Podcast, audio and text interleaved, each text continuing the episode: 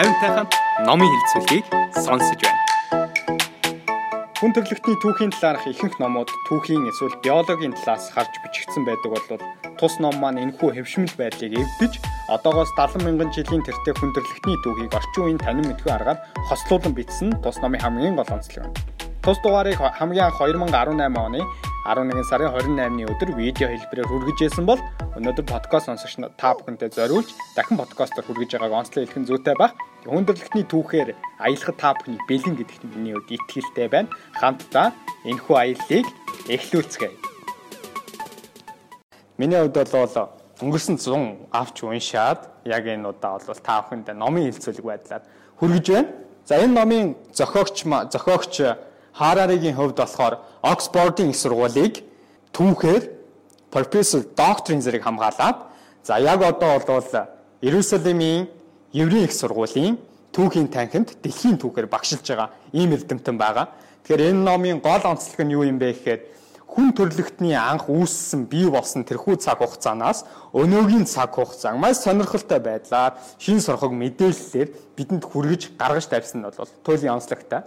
Тэгэхээр энэ хүн номыг ингээ бүхэлд нь та бүхэн уншаад үзэх юм бол хүн төрлөختний товч түүхийг ерөнхийдөө ойлгох боломжтой гэдгийг бол хэлхэн зүйтэй ах.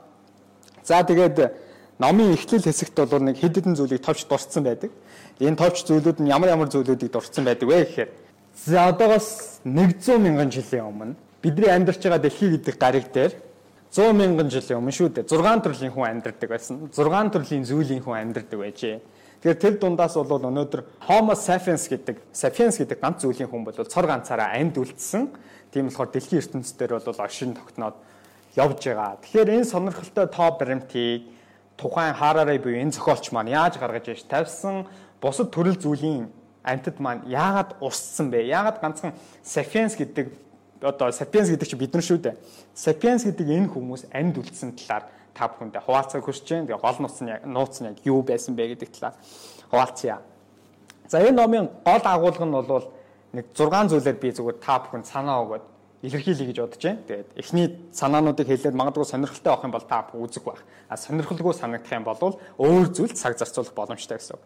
Хамгийн эхний зүйл нь болохоор бурхад төр ус, мөнгө, хүний эрх зэрэг зөвхөн төсөөллийн ертөнцид байдаг зүйлсийг итгэгчд нь өөрөө хүн төрлөخت юм аа. За хүн бол хүрээлэн буй орчны цуврал, алуурчин гэж нэрийдсэн байна. Капитализм бол эдийн засгийн онол биш. Мөнгө, аз жаргал, шин технологи гэсэн Энэ зүйлийн тухай ерөнхийд нь багцлж ярих байгаа. За, ном маань өөрөө дөрвөн бүлэгтэй. Хамгийн эхний бүлэг нь тань танин мэдхийн хувьсгал гэдэг бүлэг байгаа.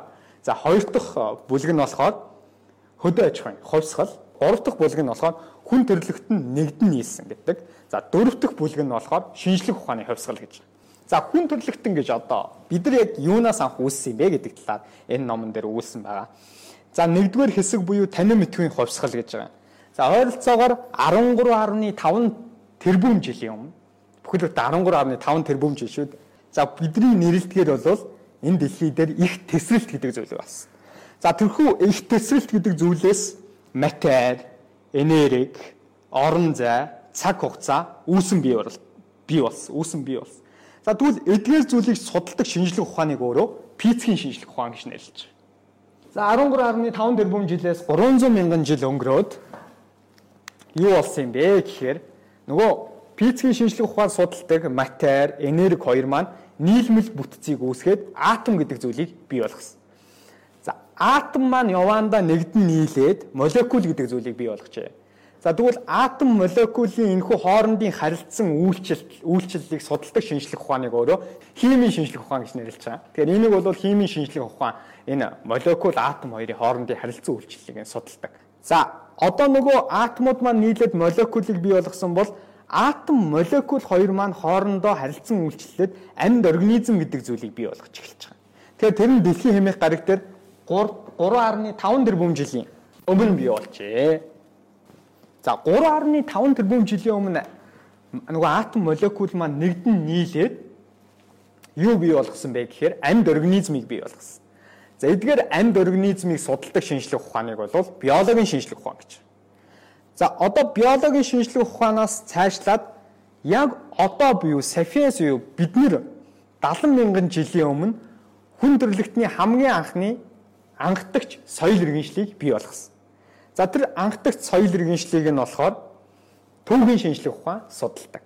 Тэгэхээр одоогоос 70 мянган жилийн өмнө хамгийн анхны анхдагч соёл иргэншил бий болжээ. Тэр нь бол сапиенс үе бидний одоо үүсэн бий болох тэр цаг мөч гэсэн. Тэгэхээр үүний түүхийн шинжлэх ухаан судалдаг аа. Энэ нь бол илүү сонирхолтой гэж үзэж байна. Тэгэхээр түүх яг энэ л цаг үеэс бол бодтойгоор шинжлэх ухаан маань судалж энэ л цаг үеэс эхэлсэн болж таарч байгаа. За тэгвэл одоо түүхийн шинжлэх ухааныг ерөнхийдөө гурван хувьсгалд хуваадаг. За хамгийн ихний хувьсгал бол ойролцоогоор 70 мянган жилийн өмнө танин мэдхийн хувьсгалаар эхэлж байсан. За үүний дараагаар одоогоос 12 мянган жилийн өмнө хөдөө аж ахуйн хувьсгал. Ердөө одоогоос 500 жилийн өмнө хөдөө аж ахуйн хувьсгалын дараа ингээ явсараад одоо дундад зууны үед гэсэн үг шүү дээ. 1500-аад оны үед эхэлсэн тэр хувьсгал нь ямар хувьсгал вэ гэхээр шинжлэх ухааны хувьсгал. Тэгэхээр түүхийн энэхүү цаг хугацаа энэ голдролыг ердөө 3 хувьсгалд ангилж байгаа. Тэгэхээр энэ 3 хувьсгал маань хэрхэн бий болсон талаар бол ерөнхийдөө энэ номонд бичсэн байдаг. Тэгэхээр 3 хувьсгалаа хэдүүлээ хамтдаа задлаад нэгсэндээ судалгаа хийгээд энэ номон дээр яг ямар байдлаар гаргаж ирсэн бэ гэдгийг хамтдаа ярилцаар яв. За хамгийн ихний хувьсгал бол танин мэдгүй хувьсгал гэж байгаа. Тэгэхээр энэхүү танин мэдгүй хувьсгал бол ойролцоогоор 70 мянган жилийн өмнөөс үүсэн бий болоод бүрлдээд явсан. Тэгэхээр балертны хүмүүсийн хувьд амьтдаас бол ялгарах төдийлөн зүйл байгаагүй. Яг л амьтантай бол төстэй а үйлдэлд тэр бүх зүйл нь бол амьтнаас ялгарах зүйл бол байгаагүй гэсэн үг. Нэгсэндээ бидний төрөл зүйл бол за тэгвэл дэлхий дээр одоогоос 100 мянган жилийн өмнө 6 зүйлийн хүн амьдарч байсан бол тэдгээр 6 зүйлийн хүн маань ямар төрөлд хамаардаг байсан юм бэ гэдэг тухай ерөнхий тайлбар өгье. Тэгэхээр м сапиенс юу энэ одоо бид нар шүү дээ. Сапиенс бол өөрөө зүйлийн хүмүүс. За тэгвэл төрөл гээд ирэхээр юу болох вэ гэхээр за одоо шимпанзе, горил, орангутанг эдгээр хүмүүс бол бидний нэгсэндээ төрөл гэсэн. Төрөл садан гэсэн үг. Тэгээ ингээд тэгэхээр сонин санагч байж магадгүй. Тэгэхээр одоогоос тэр 70 мянган жил, 100 мянган жилийн өмнө бол нэгэн цаг хугацаанд маш олон төрлийн хүмүүс бол нэгэн дор амьдарч байсан. Тэгэхээр тэр хүмүүс бол нэгэн төрлийн хүмүүс тэр дундаа сапиенс бол ердөө нэг зүйл нэ. Тэгэхээр маш олон төрөл өөрөө нэгдээд овгийг бий болгож байгаа. За жишээ нэг жишээ авахад өнөөдөр ингээд муурын мөөжгаа бай гэж бодъё. Араатны хаан арслан бай гэж бодъё. За энэ хоёрын хувьд болохоор эрт дээр үед муурын нэг овгийн л садан төрөл аахгүй. Тэгэхээр муурын овогт хамаардаг гэсэн үг энэ хоёрын хувьд. Тэрнтэй адилхан хүн төрлөختний хувьд ч гэсэндээ одоо төрөл гэдэг нэг зүйлээс одоо шимпанзе, горил ч юм уу бичний нэг юм төрөл байна шүү дээ. Тэр дундаас сапиенс гэдэг зүйл бол үүсэн бий болжээ гэдэг санааг биелэх гээд байна. За тэгвэл орчин үеийн хүн буюу сапиенс хүн яг хэдий цаг хугацаанаас бидэнтэй хамгийн төстэй хүмүүс яг юунаас үүсэн бий болсон бэ гэдэг санааг та бүхэн хуваалцъя. За хүн төрлөختөө анх ойролцоогоор 2.5 сая жилийн өмнө Дорнод Африкт буюу өрөндийн бич гэж нэрлэгддэг эртний нэгэн төрөл бичнээс үүсчээ. Тэгэхээр нэгсэндээ бид нар бол Дорнод Африкт нэг бичнээс үүссэн гэж энэ номон дээр бол тодорхойлсон байна. За зөвхөн энэ номч хэлэлтгүй дэлхийн маш олон түүхчид энэ тал дээр бол санал нэгдэх байх гэдгийг найдаж байна. Тийм болохоор манай зохиолчийн хөвдөсөндөө маш олон судалгаа, шинжилгээ хийсний үр дүнд өөрийнхөө энэ номыг бол гаргаж ирж тавьсан байна. За тэгэхээр 2 сая жилийн өмнө нөгөө Дорнод Африкт хүндрэлтэн гэдэг зүйл маань хамгийн анх хүнтэй төстэй зүйл маань үүсчээд байгаа шүү дээ. Тэгвэл 2 сая жилийн өмнө Дорнод Африкаас за газрын зурган дээр та харах юм бол илүү тодорхой болох ба. Дорнод Африкаас Хойд Африк, Зүүн Аз Европ руу тархан суурилсан. Одоогоос 2 сая жилийн өмнө. За тэгвэл энэ хөдөлгөөн бол их нутгаа орхин гарсан хамгийн анхны том хөдөлгөөн бий болж эхэлж. Тэгэхээр нөгөө Дорнод Африкт амьдарч исэн хүндрэлтний өвөг эцэг маань одоо өөр өөр тийшээ тархан суурилсан гэсэн үг. За энэ цаг хугацаанаас хойш бол ямар процесс бий болсон бэ гэдэг цааш ном дээр дурдсан байгаа. За газар нутгата засан дасан зохицохын тулд хэд хэдэн чиглэлд хувьсан өөрчлөгдсөн гэсэн. За тэгвэл одоо хүндрэлтний зарим зүйлийн хүмүүс бол Европ руу явсан байна, Зүүн Аз руу явсан байна, а Хойд Африк руу явсан байна. Тэгэхээр тухайн газар нутаг бүс болгоно нь өөрөө өөр өөр цаг уурын уур амьсгалтай, зарим газар нь бол улирал нь ээлжилдэг бол зарим газар нь улирал нь ээлжилдэг ч юм уу. Энэ цаг хугацаанаас хамаарат тухайн нутагт суурилсан хүмүүсийнх нь хөгжил нь бүгд өөр өөр болж өгдсөн. За тэгвэл энэ бүс нутагт тархан суурилсан хүмүүс нь тухайн үед ардимтад бол маш сонирхолтой сонирхолтой нэршил өгсөн байгаа. Тэгээ энэ хүн нэршлүүдийн таахын толилуулыг гэх юм бол за Азийн бүс нутагт суурилсан хүмүүс нь бол Homo erectus буюу бид нар бол босоо явж хүн гэж 10 жилийнхээ төв хичээл дээр үзэж үзэж байсан. Тэгэхээр 2 жил оршин байсан. Homo erectus гэдэг энэ хүний зүйл бол дэлхий дээрх бүх хүнээс хамгийн олон сая жил хамгийн урт удаан хугацаанд оршин бий болсон. Би оршин тогтносон а зүйл байгаа Homo erectus. Магадгүй хүн төрлөختөн буюу sapiensууд бид нар энэ Homo erectus erectus-ын 2 сая жил оршин тогтносох цаг хугацааг эвдэх үгүйг мэдэхгүй. Бид нар бол дэлхийн ертөнцийн дээр оршин тогтноод ердөө 70 мянган жил болж байгаа гэж үзэж байгаа. Гэтэл erectus бол Homo erectus бол 2 сая жил бол оршин тогтносон байгаа нь бол дэлхийд дээрх хамгийн том рекорд. За тэгвэл Индонезийн Ява арлын халуун уур амьсгал зогтсон хүмүүсийг болохоор соло хөндийн хүмүүс гэж нэрлэдэг байсан юм байна. За Polaris арлын хүмүүс гэж байгаа. За энэ нь бол тухайн үед нөгөө арал дээр яаж хүмүүс очисон бэ гэхээр түүхийн хувьд бол маш гайхалтай. Хүмүүс яг юугаар арал дээр очив? Эх газраас арал руу яг юугаар очисон бэ гэж. Тэгэхээр тухайн үед далайн тэнгисийн төвшин харьцангуй гүйхэн байсан.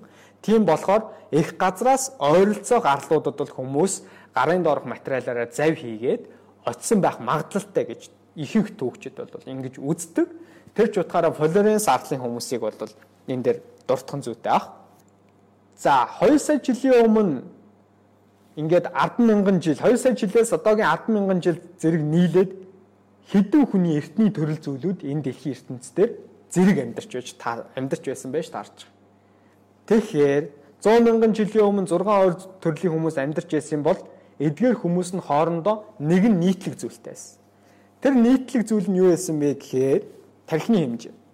За одоо ердийн хүмүүсийн тархины хэмжээ бол оюун ухаан туюу сапиенс хүмүүсийн тархины хэмжээ бол 1200-аас 1400 см куб байгаа. Тэгвэл тухайн үед 60 кг сүүн тэжээлтний амтны тарих 200 см куб байсан байна.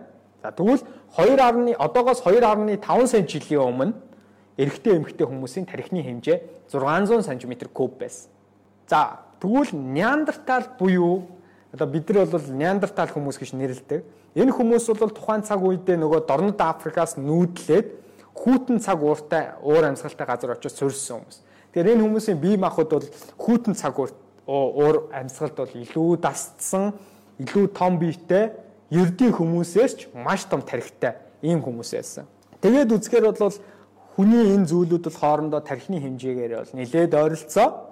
Энэ нь бол бид бүхэнд бол тухайн үед амьдарч байсан олон зүйлийн хүмүүст бол нийтлэг шинж байсан гэж тодтогч байгаа. За яагаад ганцхан хүн төрлөختөн тэгвэл агуу том сэтгэн бодох энэ гайхалтай машиныг өөртөө бид нар бий болгож чадсан бэ гэдэг нэг асуулт бол түүхчдийн донд үргэлж явдаг. Энэ нь тэгвэл юу юуд нөлөөлсөн байх боломжтой вэ гэж түүхчдийн гаргаж ирж тавьсан тайлбаруудыг одоо тэгвэл хэдүүл хамтдаа хаваалцъя. Жишээ нь Homo sapiens-ийн тархины хэмжээ бол биеийнхээ ердөө 2-оос 3% эзэлдэг. Гэтэл 2-оос 3% эзэлдэг хэрний хамгийн тайван байх үедээ тэр тархинд бүх биеийнхээ бүх энергийнхээ ердөө 25%-ийг зарцуулдаг.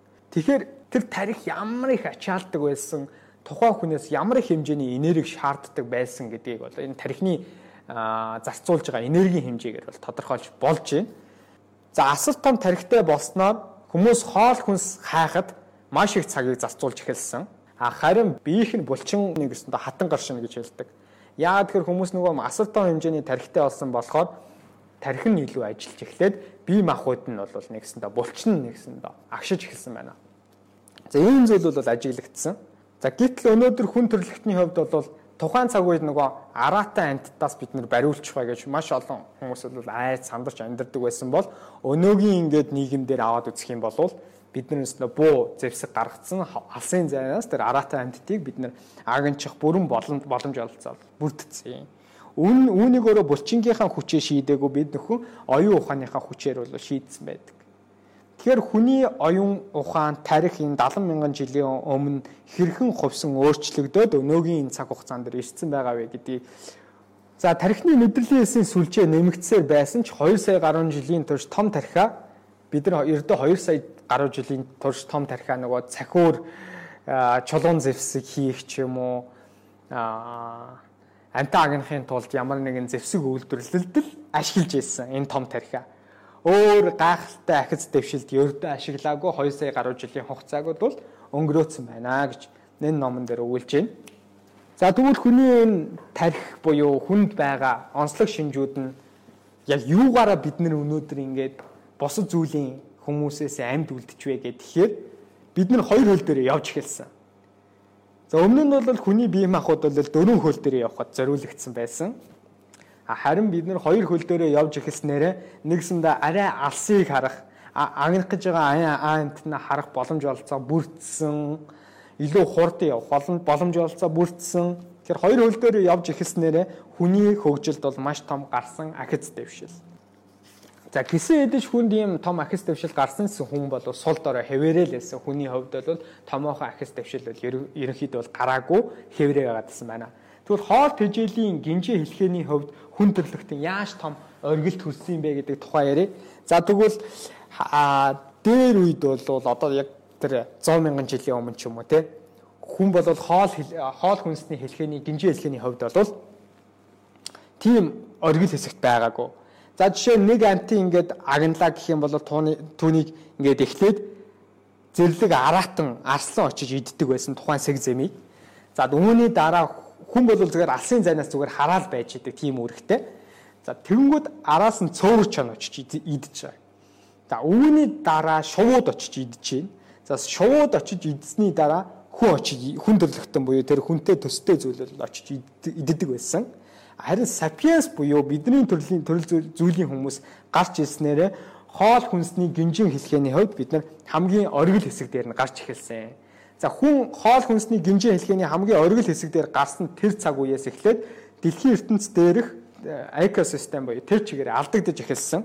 Яаж алдагдаж эхэлсэн бэ гэхээр хүн хоол хүнсний гинжин хэлхээний оргилд гарснараа маш том сүрлийг бий болгож эхэлсэн. Энийг бол энэ номын цаашдын хэсэгт бол дурдж байгаа дурдах болно. Тэгээд энэ номын эхэндэж би хэлсэн хүн төрдөгтөн бие сапиенс төрлийн хүмүүс бол энэ ертөнд дээрх цуврал алуурч юм а гэж бид нар Тийм болохоор антитын экосистемыг бид нар хэрхэн өөрчилсөн талаар дараа дараагийн бүлэг дээр илүү тодорхой номын зохиолч маань өгүүлсэн ба. За хүн төрөлхтний дараагийн гарсан том ахиц дэвшил нь бол гал. Бид нар галыг хэрглэж эхэлсэн. За зарим судлаачид бол 800 мянган жилийн өмнө хүн галын анх ашиглаж эхэлсэн гэж үздэг. За 800 мянган жил гэдэг бол хуучин чулуун зэвсэг үе. Бидний сайн мэдж байгаа. Харин Сафиас буюу 300 мянган жилийн өмнө хүмүүс галыг бол тогтмол ашиглаж иржээ гэж зарим зохиолчид, зарим судлаачид бол үүнийг үздэг. Тэгэхээр гал ашиглаж эхэлснээр хүмүүс ямар давуу тал бий болсон юм бэ гэхээр хоолоо бид нар болгож иддэг болсон Тэгэхээр нөгөө хүний хоол боловсруулах эрхтэн маань зарим түүхий хоолыг боловсруулах чадамжгүй байсан болвол бид нар галыг ашиглаж эхэлснээрээ зарим хоол хүнсийг болгож идэх боломжтой болсон. Тэгэхээр одоо жишээ нь нэг түүхий хоол хүнсийг бид нар 5 цаг ходоод маань боловсруулдаг байсан бол галыг ашиглаж бид нар болгож иддэг болсноороо ердөө нэг цагийн дотор бүрэн түүнийг боловсруулах чадамжтай болж эхэлсэн. Инхээр хүний тарих нэгэсэндөө томорч гал ашигласнаар хүний тарих томорч харин ходоодны хэмжээ буюу гидсний хэмжээний гэсэн жижигч хэлсэн. Тэгэхээр хүн нөгөө маш том хоол боловсруулах эргэтэнтэй байсан бол хоол боловсруулах эргэтний маань хэмжээ жижигч эхэлсэн гэж ойлгож байна. Гал хэрэглэснээрээ бид нэр хоолоо болгож иддэг болсон нь хүний хөгжлийн хувьд хамгийн том ахис дэвшлийн нэг байсан байна. За бид нар гал ашиглаж эхэлсэн ч гэсэн бид Homo sapiens хүмүүс бол сул дорой хэвээрээ байсаар байсан байна. За 150 мянга орчим жилийн өмнө яг одоогийн хүн шиг төрхтэй хүмүүс Дорнод Африкаас амьдар Дорнод Африкт амьдарч байсан гэдгийг олон эрдэмтэн судлаачид бол гаргаж ирсэн байна. За тэгвэл 70 мянган жилийн өмнө за би энэ хамгийн анх самбар дээр ütсэн 70 мянган жилийн өмнө Дорнод Африкаас хүмүүс маань Евро Азийг, Зүүн Азийг нэгсэндээ Арабын хойгийг зорж эхэлсэн. За тэгээд 70 мянган жилийн өмнө Тэгвэл нөгөө хүмүүс маань Дорнод Африкаас Зүүн Азийг, Арабын хойгийг ингээ шилжин суурьж штэ.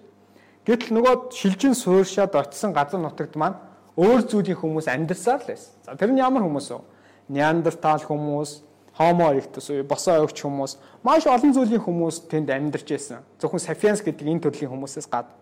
Тэгвэл бид нар яаж амьд үлдсэн бэ гэдэг зүйлийн тухай яриа л та. Sapiens ганцаараа өнөөдөр ингээ амьд үлдсэн бэ штэ. Одоо яг бид нар ингээд оршин тогтноо байж.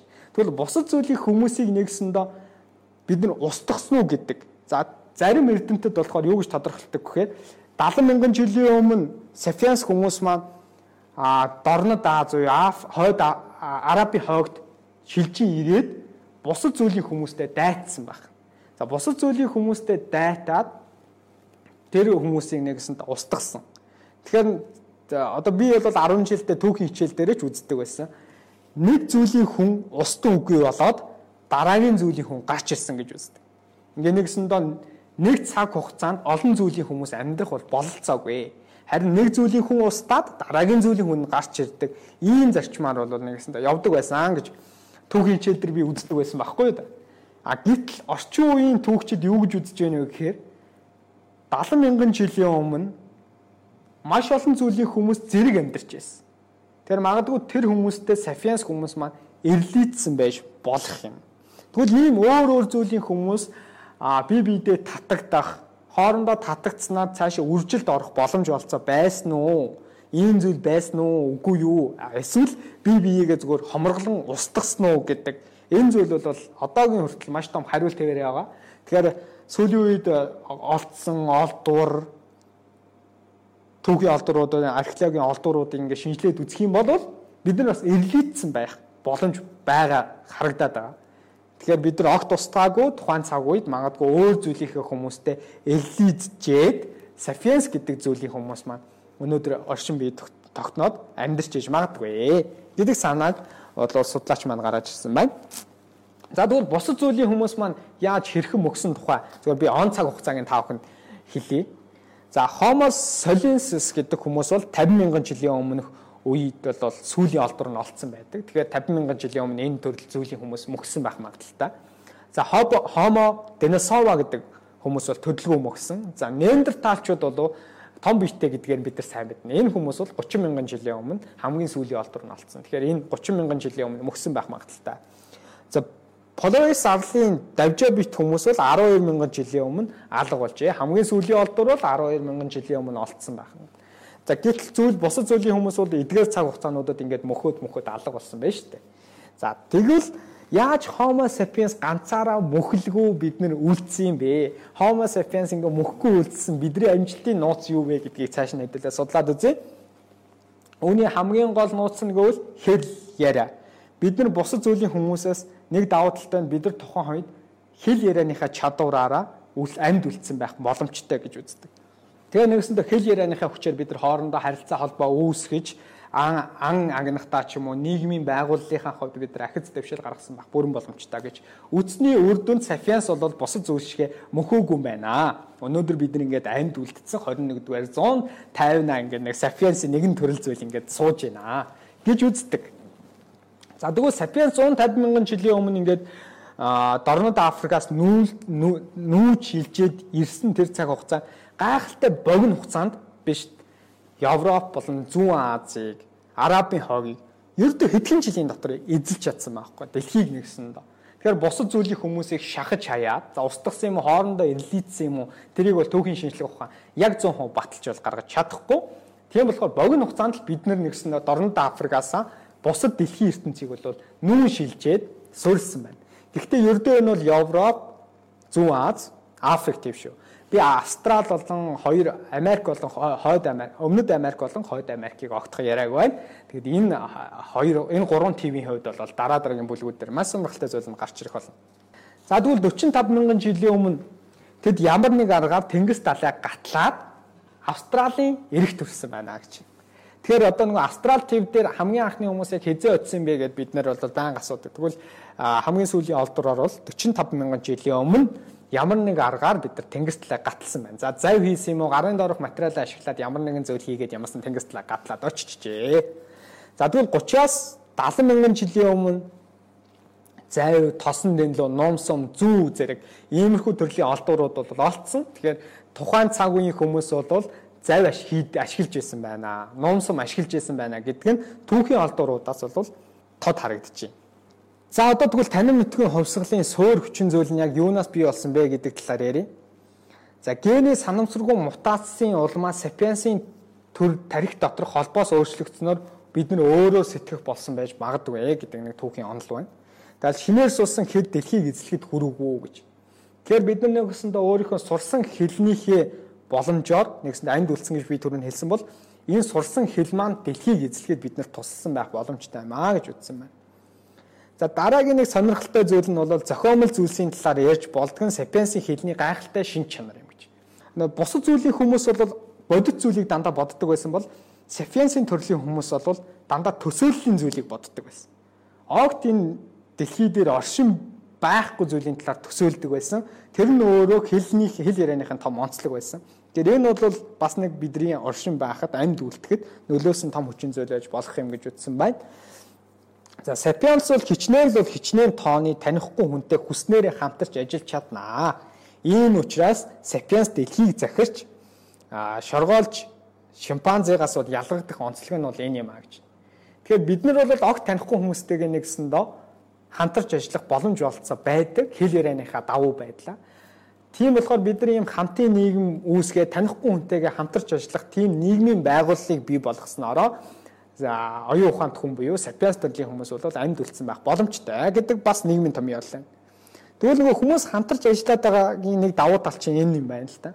За тэгвэл та нар шоргоол, шимпанзе гэдэг нөгөө хамтаар амьдардаг амьтад байгаа шүү дээ. Тэгэхээр энэ хүмүүс тэгвэл яагаад хүн шиг ингээд ховсон өөрчлөгдөв юм бэ гэх юм бол энэ хүмүүсийн хувьд бол төсөөллийн чанарын тухай хязгаарч боддоггүй. Чи шоргоолжийг бодъё л та. За шоргоолж магадгүй ингээд бурхан шүтдэг болоо те ингээ нийгэм бодит байдал дээр байдаггүй тийм төсөөллийн чанартай зүйлийг боддгоо гэд үзэх юм бол үгүй. Тэр хүний нэг ялгагдах гол онцлог нь онцлог нь ингээд огт байдгүй зүйлийн тухай ингээд төсөөлж чаддаг. Энэ нь өөрөө хүн төрлөختнийг амьд үлдэхэд нөлөөсөн дараагийн хүчин зүйл байх боломжтой гэж. Тэгэхээр хов живийн хүчээр нэгдсэн бүлэг хамгийн ихдээ 150 орчим гишүүнтэй байдгийг социологийн судалгаа харуулсан байна гэж. Тэгэхээр Одоо та бүхэн ингээд нийгмийн ямар нэгэн бүлэг за ивент зохиох гэж байгаа бол энэ 150 гэдэг тоо бол хамгийн алдартай тоо. Яагаад тэгэхээр 150 гэдэг энэ тоо бол өөрөө социологийн судалгаагаар бол энэ хүмүүс хоорондоо ингээд хамтарч ажиллаад а бүлэг үүсгээд явхад бол ахис дэвшил боломжтой байдаг. Харин 150 гэдэг энэ тоогоос хитрээд ирэх юм бол нийгмийн энэ бүтэц зохион байгуулалтыг аваад тухайн ивентийг ингээд үр дүнтэй болгоход бол харцангуй хэцүү болчдаг. Тэгэхээр энэ социологийн судалгаагаар гарч ирсэн тоо. Тэгэхээр 150 одоо тэр цаг үеэс эхлээд хүмүүс ингээд бүлгээрээ амьдарч эхэлсэн байна. Овгоор амьдарч эхэлсэн байна. Цөөн цөөн тоогоор ингэж амьдарч эхэлсэн. Энийг бол ингээд базах гол зүйл нь болохоор хүмүүсийн хоорондын харилцаа холбоо, хэл тэгээ танихгүй хүмүүстэйг хамтарч ажилладаг байсан тэр нууц юм байна шүү. За дараагийн нэг зүйл нь болохоор Танин мэдгүй хувьсгалаас хойш сапиенсууд иймэрхүү янзаар хоёрдмол бодит байдал орсоор иржээ. Нэгсэндээ бид нар бодит байдал дээрээ ч амьдардаг, төсөөллийн чанартай төсөөллийн ертөнцид ч давхар амьдардаг. Тэгэхээр бидний юм хоёрдмол зүйл дээр бол амьдарч эхэлсэн байгаа. Тэр хүний энэ хэл яриа гэдэг давуу байдал хүний төсөөллийн чанарыг бий болгохын цацуу хамтын ажиллагааг бий болгосон. Тэгэхээр бид нар хамтаараа ажиллаж эхэлсэн байна. Өмнө нь бид нар ингээд хамтаараа ажилтгуу байсан болвол 70 мянган жилийн өмнөөс танин мэдгэн хувьсгал эхэлснээс хойш хүмүүс хоорондоо хамтарч ажиллаж эхэлжээ. Энэ нь бидэрт маш том давуу талыг бий болгосон байх магадaltaй гэж төгчд үздэг юм байна. За тэгвэл хамтын ажиллагаанаас цааш юу бий болсон бэ гэж соёл бий болсон. Төсөөлмөл бодит байдалтай уялдуулан олон төрлийн зан үйл хэвшүүлсэн соёл бий болсноороо цагаас цагт нэгсэндөө бидний бий болгосон соёл маань хувьсан өөрчлөгдөж байгаа энэ соёлоор дамжуулаад хүмүүс маань хүрээгээ тэлж байгаа. Нөгөө хамт 10 хүн амьдардаг байсан бол хажуу омгийнхаа хүмүүсийн соёл бид нар ууснараа магадгүй 20 хүн 30 хүн гэдэг ингэж ингэж бүлгээ тэлж явах боломж онцлцоо соёлын урсгалаар дамжуулж бий болсон байна. Тэгэхээр соёл бол нэгсэндээ шимпанзе тэр шоргойлжоос ялгарах гол зүйл нь маш олон төрлийн танихгүй хүмүүсийг хоорондоо холбож өгж байгаа нэг өстой цав юм уу та тийм зүйлээр соёлыг бас тодорхойлж гаргаж ирсэн байна. За тэгэхээр 70 мянгаас 70 мянган жилийн өмнө танин мэдхийн хувьсгал эхлээд 70 мянгаас 12 мянган жилийн энэ хооронд бол танин мэдхийн хувьсгалын зааг гэж ойлгож байна. Тэгэхээр 12 мянган жилээс урагшаага болвол хөдөө аж ахуйн хувьсгал бий болсон байгаа. За тэгвэл хүнээс бүрдсэн бүлгээс амьдардаг байсан гэж байна. Тэгвэл яг энэ танин мэдгүй хувьсгалын энэ зүйлд бол хувьсгалын цаг хугацаанд бол зөвхөн хүн байхаас гадна ганцхан төрлийн амьтан байсан. За тэр амьтан таад ямар төрлийн амьтан байсан бэ гэж бодож байна. Нэгсэндээ танин мэдхийн хувьсгалд бол ердөө ганц хүн хүн хүнээс бүрдсэн бүлэг амьдардаг байсан бол гэхдээ түүхийн нэгэн олдураас маш сонирхолтой баримт гарч ирсэн. Тэр нь ямар баримт вэ? Хүн тухайн цаг үед ямар амьтантай хамт амьдардаг байсан бэ? Нох бай. Yes. За энэ ямар олдур вэ? Бид тэр олдурыг санахгүй байна.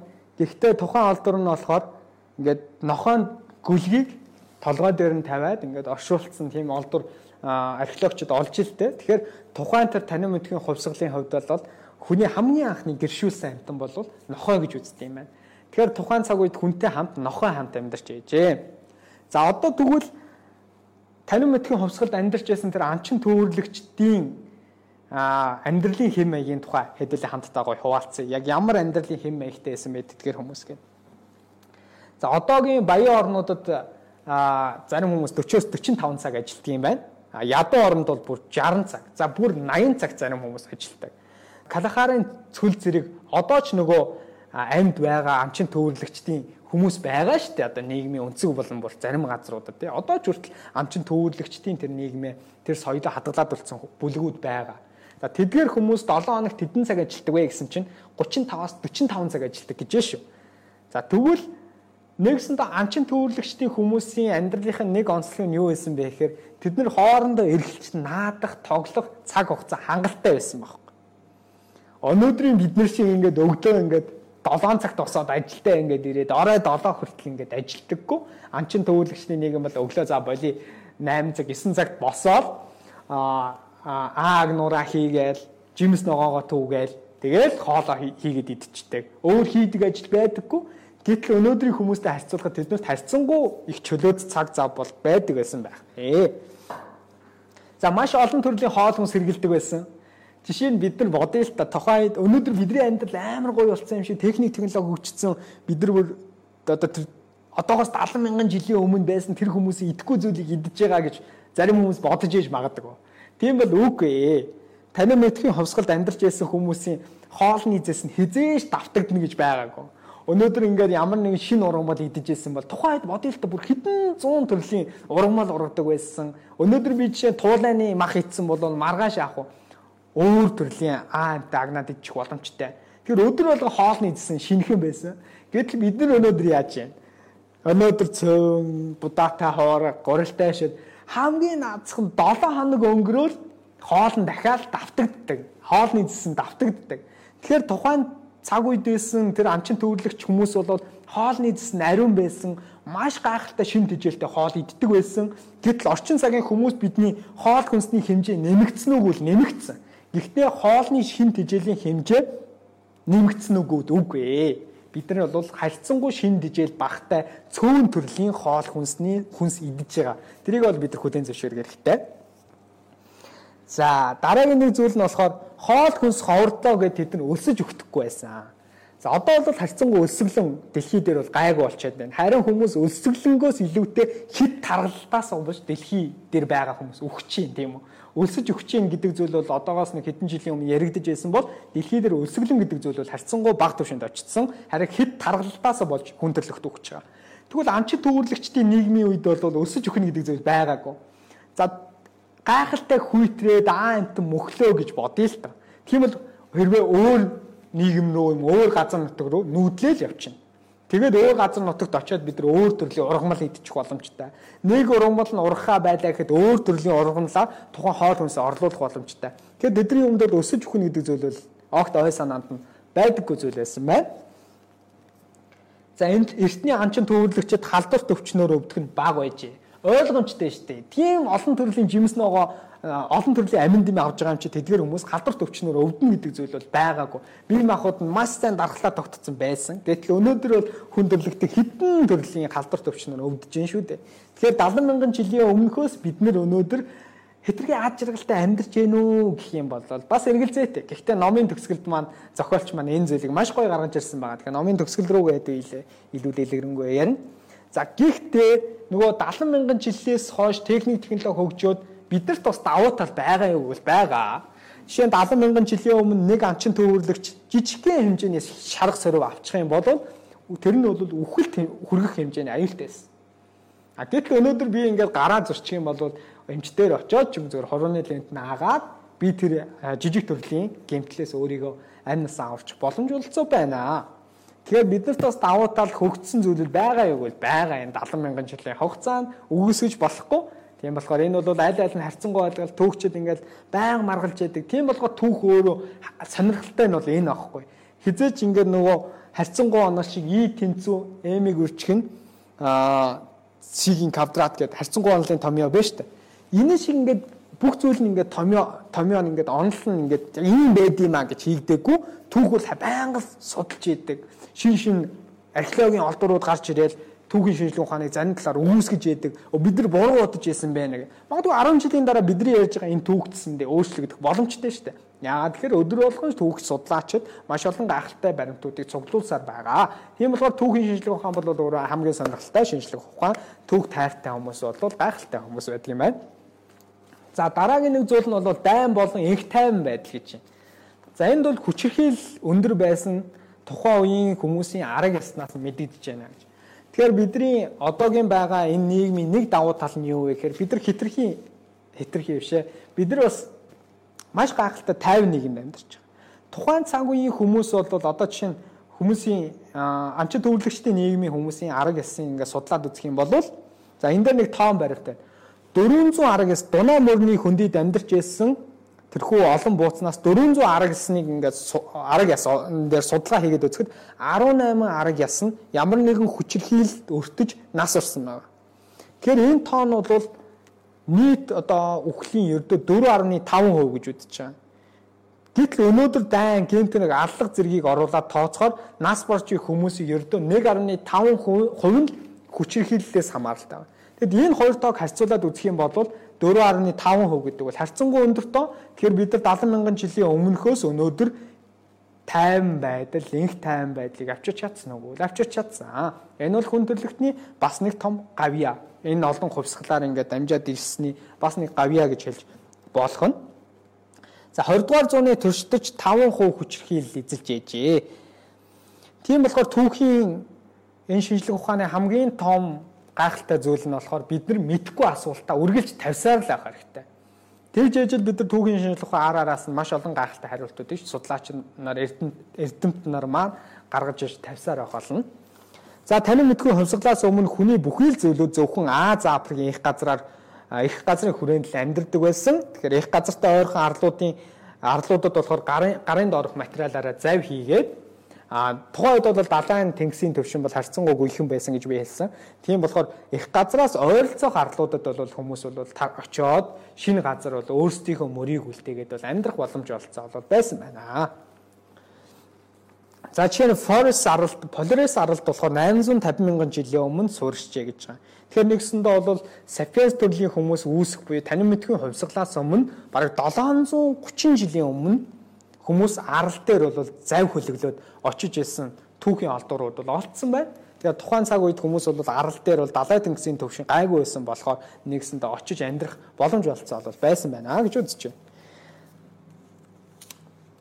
За тэгтээ одоо хүн төрөлхтний яагаад энэ зохиолч маань цуврал алуурчин гэж нэрлээд байгаа вэ гэдгийг одоо яг би дуртах гэж байна. Одоо Тэнгис далайг гаталж чадаагүй ч Америк, Австрал твдэж Мадагаскар, Шинэ Зеландын хавын аслагдмал арлуудаж хүрээгүй ч гэсэн амтны аймаг тусдаа экосистемд хуваагдаж байсан гэж. Тэгэхээр хүн өөрөө нь Австрал төв, Шинэ Зеланд, Америкийн тэр томоохон арлуудад Америк твд очихоос өмнө бол амтны аймаг бол тус тусдаа маш гайхалтай экосистемд оршин тогтнож байсан байна л та. Гэтэл анхны амжилт яаж гарсан бэ? За сапиенсууд энийг өөрсдөө амжилт гэж нэрлэдэг байгаа. Гэтэ энэ бол амьтны экосистемд хамгийн том сүрэл авчирсан хамгийн анхны сүрлийг бид нар хамтдаа авчирсан байна. Бидний өвөг дээдс. Тийм болохоор бид нар энэ өвөг дээдсийг хийсэн аимшигтай сүрлийг хүлээн зөвшөөрөх хэрэгтэй. Тэр нь 45 мянган жилийн өмнө Австралиг сапиенсууд маань колончлжээ. Тэгсэндээ бид нар тэнгис талаа гатлаад очсон байж тээ. За тэгсэн чинь үнэмшилтэй онлоор бол Индонезийн Олтрыг иргэд хөлөг онгоц хийсэн байх магадaltaй. Тэгэхээр Индонез дээр амьдарч байсан тэр овгийн хүмүүс хөлөг онгоц хийгээд Австрал төвд хамгийн анх хөл дэсэн байх магадaltaй 45 мянган жилийн өмнө. За Аз Африкийн экосистемээс гарсан хамгийн анхны тохиолдол бол энэ. Бид нар өмнө нь Аз Африкийн экосистемд л амьдарч байсан бол цоо шин Австрал гэдэг экосистем, тэр төвийн экосистем рүү хүн төрөлхтөнд нэвтрээд орчжээ. Тэгэхэд гэтэл хүн төрөлхтөнд энэ экосистемд дасах байсан боловч дасгаас илүүтэй энэ экосистемийг бид нар эвдэж эхэлсэн байна. Австрал ТV-ийн 50 кг-аас дээш жинтэй 24 зүйлийн амтнаас 23 нь сапиенсууд хөл тавьснаас хойш мөхсөн 23. Ердөө нэг л зүйлийн амтан амьд үлдсэн байгаа. 50 кг-аас дээш жинтэй том биетэй амьтд юм. За түүнээс бага жинтэй өвөө олон амтан бол мөхсөн. За зарим эрдэмтдүүд болохоор үүнийг нөгөө сапиенсуудад хамгаалаад энэ бол цагуурын өөрчлөлттэй холбоотой.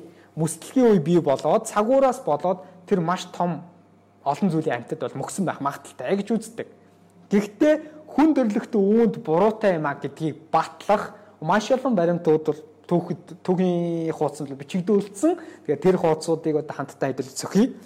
За тэр нь юу вэ гэхээр сүүлийн 1 сая жил дунд дунджаар 100 мянган жил тутамд мөсдлөгийн үе бий болдог юм байна.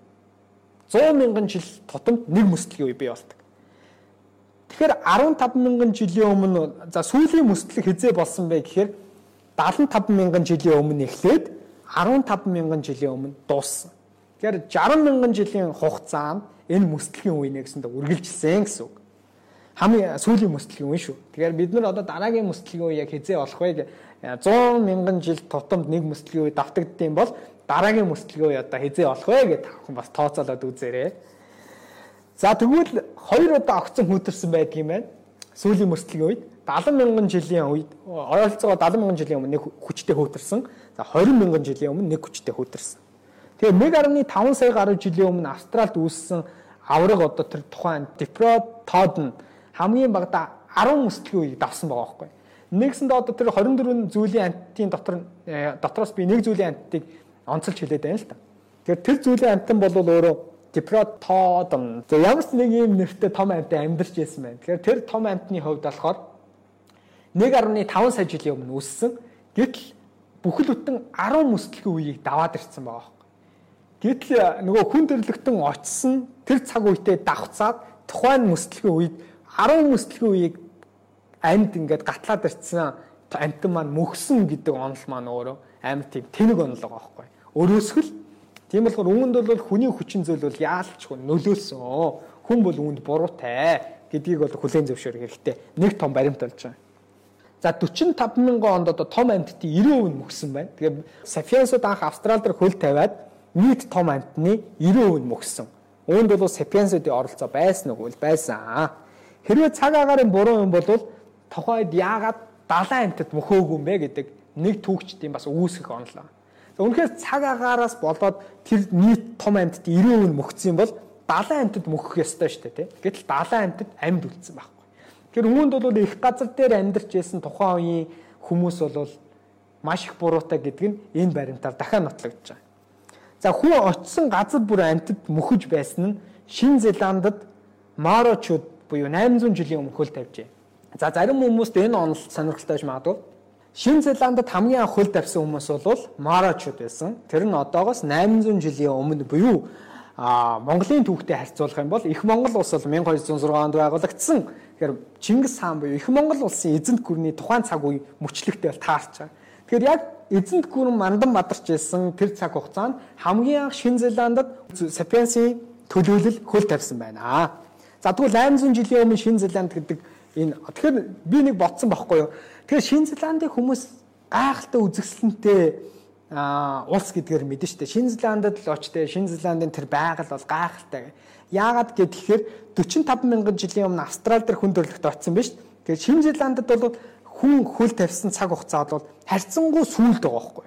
Тийм болохоор нэг хүмүүс чинь сүүлд байгаа болохоор хитрхи бас муухайгаар ярихад жоохон баг сүйтгсэн. Нөгөө цаг хугацаанд бага байгаа болохоор тийм болохоор Шинэ Зеланд бол унган байглаараа бас а үлдсэн байх магадлалтай улс орны тоонд байдаг юм болов гэж би хувийнхаа зүгээс үзэж байгаа. За тэгвэл 800 жилийн өмнө юм байсан. Гэтэл Шинэ Зеландын түүхтэр хүртэл ингээд хүн марочууд анх ингээд очсноос хойш шуудын төрөл зүйлийн 60% нь үгүй болсон байна гэж. Тэгэл энэ түүхүүд бол өөрөө хүн төрөлхтний ямар хэрцгий халуурч юм бэ гэдгийг нь бол дахиад ингээд баттгаж байгаа нэг хэлбэр шүү. Тэгээ манайхан үүнийг бас хүлээн зөвшөөрөх хэрэгтэй. Өөрсдийгөө бид нар бол байгаль дэлхийд хэтэрхий алуурч хандж байгаа гэдгээ тийм. За дараагийн нэг хүн төрлөختнийг алуурч ингэж батлах зүйл нь хойд мосын далайн Варангелийн арал гэж байгаа. За Варангелийн арал бол Сибирийн хойд эргээс ердөө 200 км-ийн зайд оршдог. Аа хойд туултай бол нилээн ойрхон, нилээн хүүтэн цаг уурын амьсгалтай ийм газар агаад арал байгаа. За энэ аралд бол бидний сайн мэддэг арслан заанууд амьдарч байсан. Гэтэл энэ арслан заанууд бол 4000 жилийн өмнө бие хүмүүс анх энэ арал дээр хурч утсан тэр цаг хугацаанаас хойш шагагдаж эхэлсэн. Тэгэхээр энэ арлын арслан заануудыг мөхөхөд голлох хүчин зүйл үзүүлсэн зүйл хүмүүлэл сапиенс хүмүүс байх боломжтой. Тэгээ бид нэр бол арслан зааныг үгүй хийхэд хүртэл өөрсдийн гар бие оролцуулсан байх магадaltaй гэдгийг энэ түүхийн олдурууд бол дахин нотолж байгаа юм аа. За хүний зүйлүүдээс Homo sapiens л дэлхийн баруун хагаст хүрсэн байдгийн байна. Тэгэхээр нэгс нь бидний зүйлийн хүмүүс бол баруун хагаст хүний зүйлүүдээс бол хүрсэн хүмүүсийн нэг гэж үздэг. За ойролцоогоор 16 мянган жилийн өмнө буюу одоогоос нийтийн тооллын өмнөх 14 мянган жилийн өмнө Америк твт хамгийн анх хөл тавьжээ. За одоо би Австрал хизээ хөл тавьсныг тав хүнд хэллээ. Шинэ Зеландд хөл тавьсныг хэллээ. Антарктид би хойд туйлд туйлын арлуудад хүн хизээ хөл тавьсныг хэллээ. Одоо Америк твт Америк твт хүн нийтийн тооллын өмнөх 14 мянган жилийн өмнө хамгийн анхны хүн хөл тавьж байжээ. За одоо болохоор дэлхийд ингээ бүхэлдээ хүн хүний төлөөлөл болсон хүмүүс ингээ хөл тавиад хархан суушаад амьдарчтай шүү дээ. Тухайн газар нутгийнхаа экосистемийг эвдээд за тэгэхээр дараагийн экосистемийн сүрлийг ингээд Америк твт бас авчирсан байна. Америк твт амьдарч байсан маш олон төрлийн гайхалтай одоо бидний одоо түүхтэр ч ингээд үзэж байгаагүй тийм гайхалтай аамтан бол амьдарч байсан Гэтэл хүн төрлөختөн бас нүүдэлдэж очоод аа тухайн зүйлийн амьтдыг нь бол бүгдийг үгүй хийсэн байна. Гэхдээ бол хүн төрлөختөө өөрөө Америк төв рүү очих тэр зам бол тэр аялал бол маш хүнд аялалсан. Яа тэгэхээр Сибирийн хойг болон Аляска хоёр бол хоорондоо хоолоогоор холбогдож холбогдсон тухайн цаг үед тийм болохоор хүн Америк төвд хамгийн анхны хүн бол явганаар очсон гэж үздэг юм байна. Төвчд. Тэгэхээр явганаар тэгж очоод Аляскад очоод нэгсэндээ гатсан. Аляскасаа хойд Америк юу би өмнө зүг рүү явхад маш олон мөсөн уулнууд хүрээлжсэн. Одоогийн нийтийн тоолын өмнө 14 мянган жилийн өмнө яриад байна шүү дээ. Тэгэхээр тухайн цаг үед бол нөгөө мөсөлгийн үе маань дуусаад, мөсөлгийн үе маань шувтраад дулаарл бий болж эхэлсэн. Тэгэхээр дулаарл бий болсноос Адэскийн хойд нутагт оршиж байгаа тэр том мөст уулууд хайлж эхэлсэн.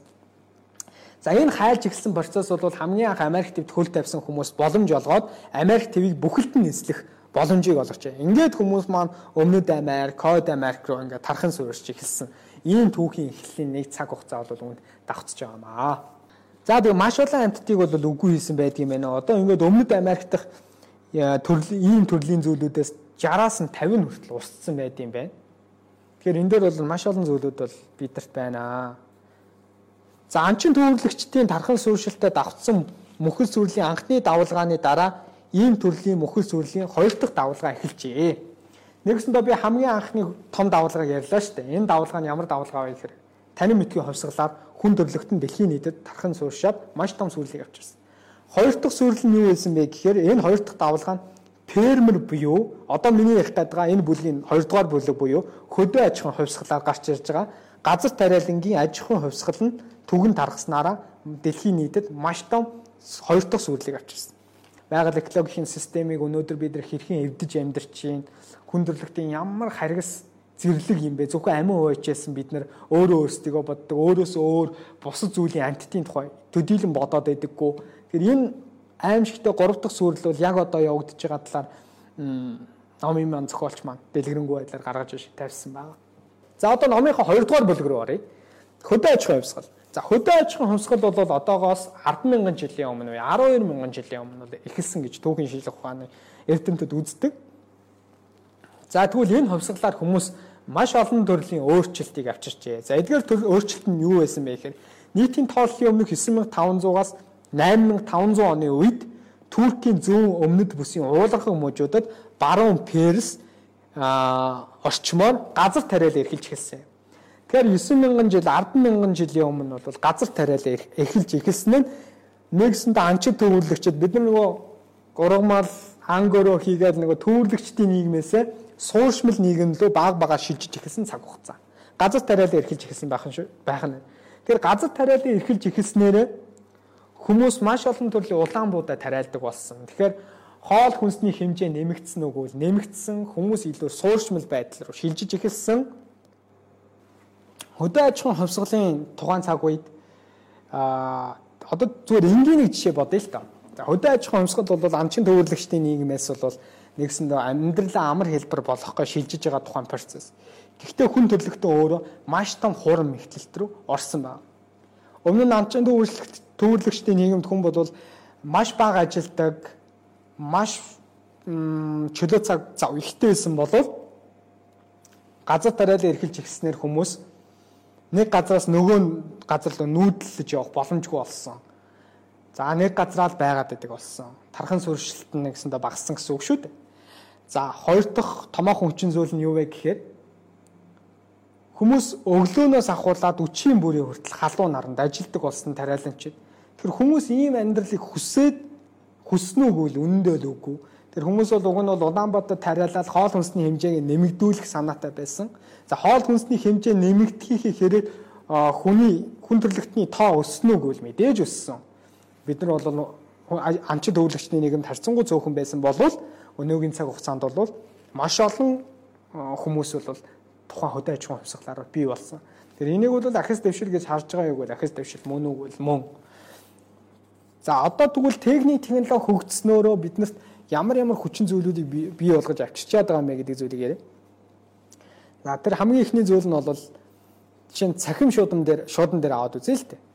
Өнөөдөр за одоогоос хэдэн мянган жилийн өмнө ингээд цахим шуудан яаж явдаг байсан бэ гэхээр бид нар нэг цахим шуудан явуулах гэж ингээ юу бичгээ бүр хэдэн 7 хоног боддог те бодож бодож байгаа хамгийн чухал гэсэн зүйлээр бичээ явуулдаг.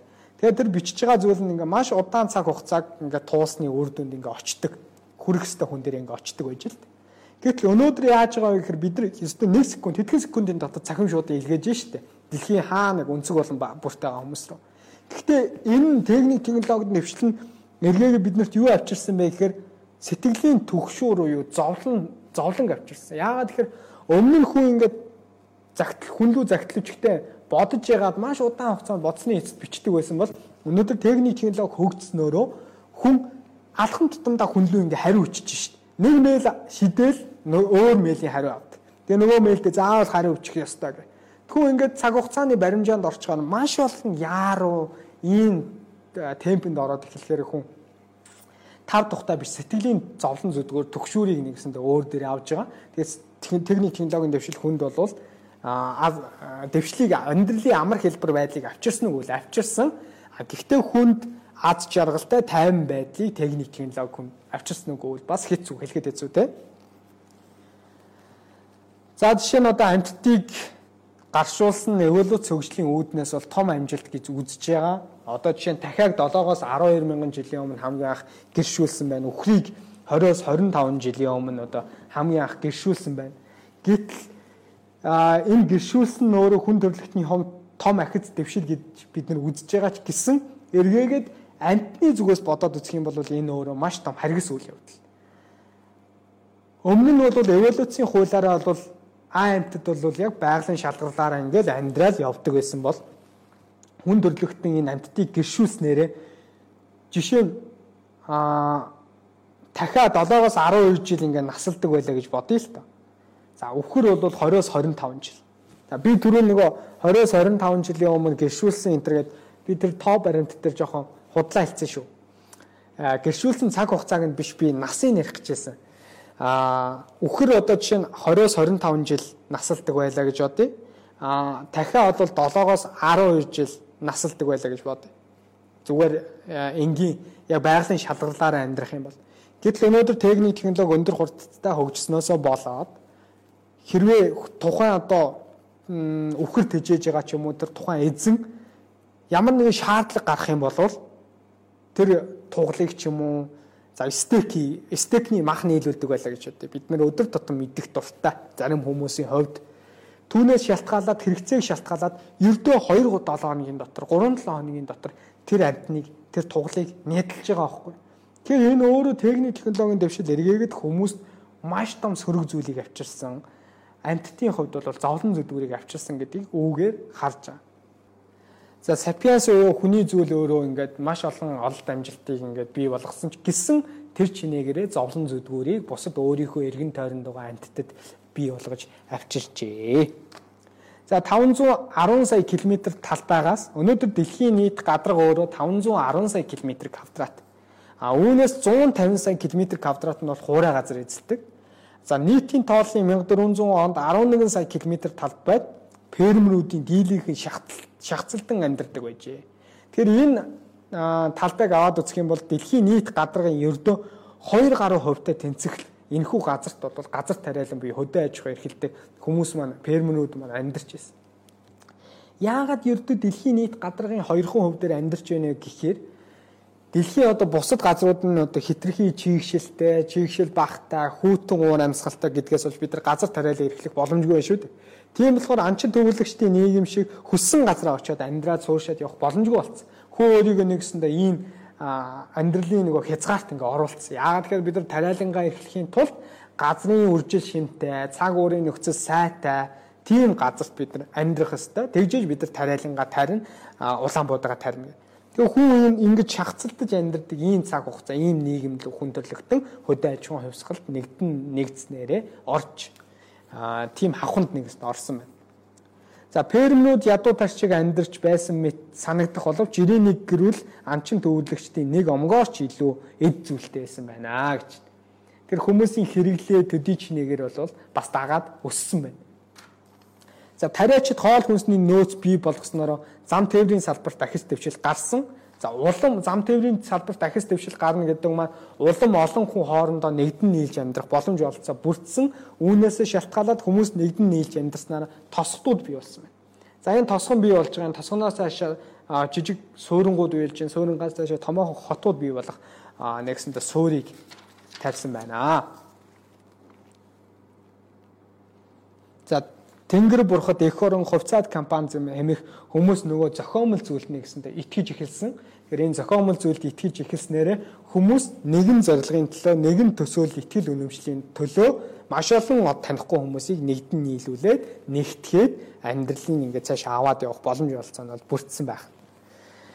За нийтийн тооллын өмнөх 8500 оны орчимд аа ИРВХ дэлхийн хамгийн том суурин суурин хэдхэн зуун хүнтэй тосгод байсан.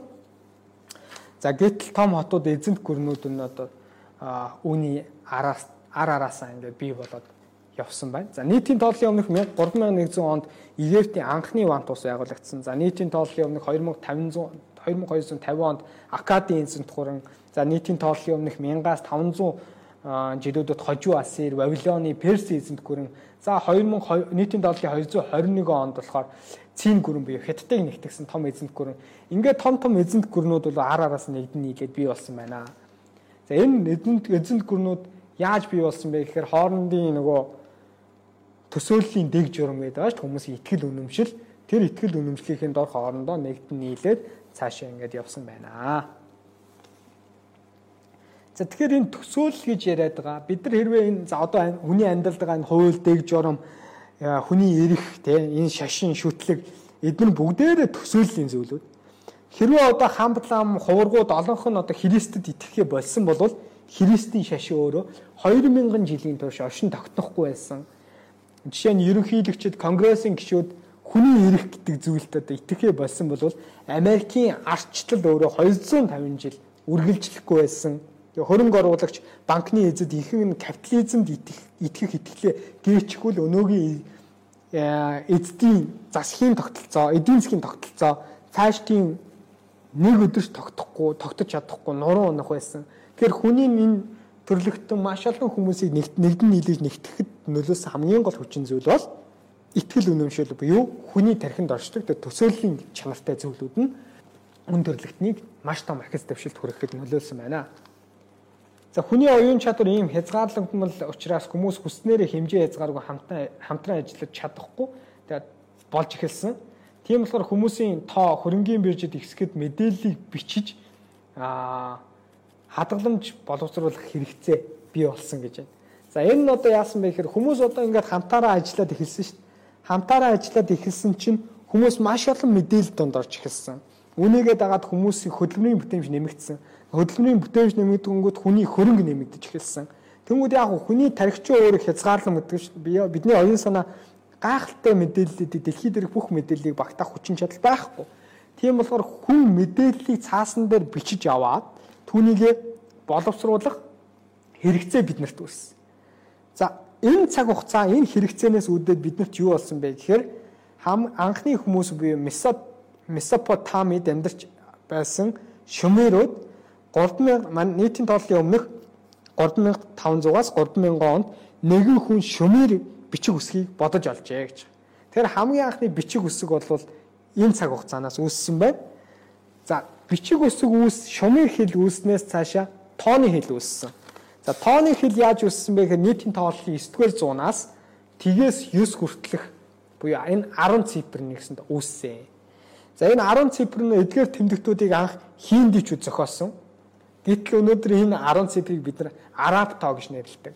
Тэг яагаад хиндивчүүд энэ тоог зохиочод байхад бид нар энийг араб тоо гэж нэрлээд байна вэ гэхээр тухайд арабчууд энэтхэг рүү дайран довтлоод энэ төрлийн тэмдэгтүүдийг олж мэдээд үүнийг сайжруулад бидний ашиглаад хэрэглээндээ оруулаад явах боломжтой маа гэдэг үүднээс үнийг араб тоо гэж нэрлэж эхэлсэн.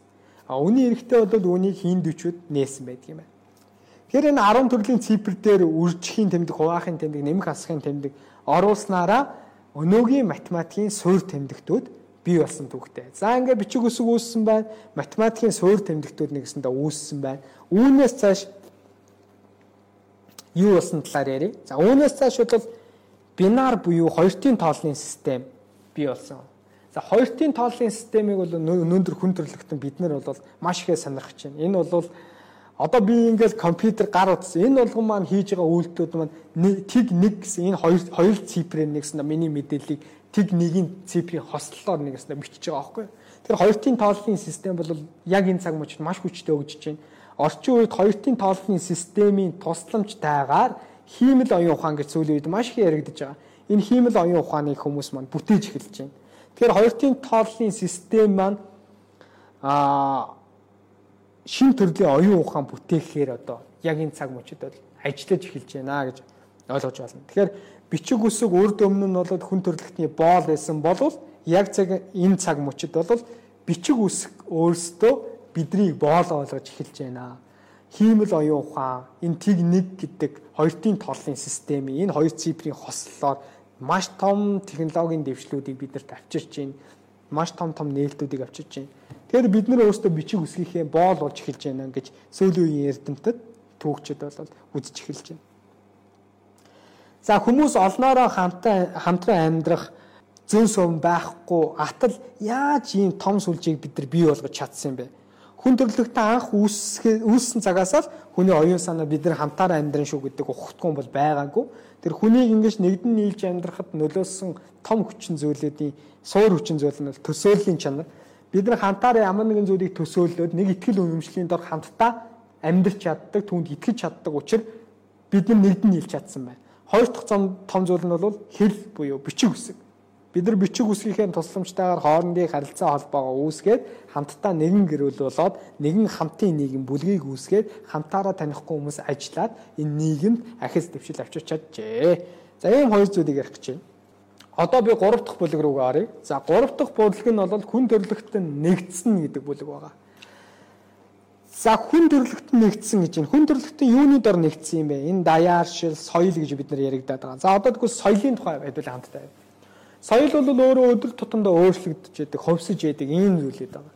Тэгвэл өнгөрсөн мянганы хугацаанд жижиг соёлууд алгуур хоорондоо мөргөлдөөд том соёлыг бүтээгээд хоорондоо нэгдэн нийлээд явсан байх боломжтой юм аа гэж төвчд үзсэн байна. Тэгэхээр практик хэрэглээний үүднээс дэлхийд дахныг нэгдэх үйл явцын хамгийн чухал үе шат нь өнгөрсөн хэдэн зуунд л эзэнт гүрнүүд өргөжин тэлж худалдаа арилжаа эрчимцсэн өөр нэгсэндөө дэлхийн нийтийг хоорондоо хүн төрлөختнийг нэгтгэхэд энэ сапиенсуудыг нэгтгэхэд голлох үүрэг гүйцэтгэжээ гэж. Тэгэхээр худалдааны энэ сүлжээ бол бас томоохон байсаар эзэлж байгаа. Тэгээ нийтийн тооллын өмнөх анхны мянганы үеэр даяаршиж болохоз гурван том тогтолцоо үүссэн.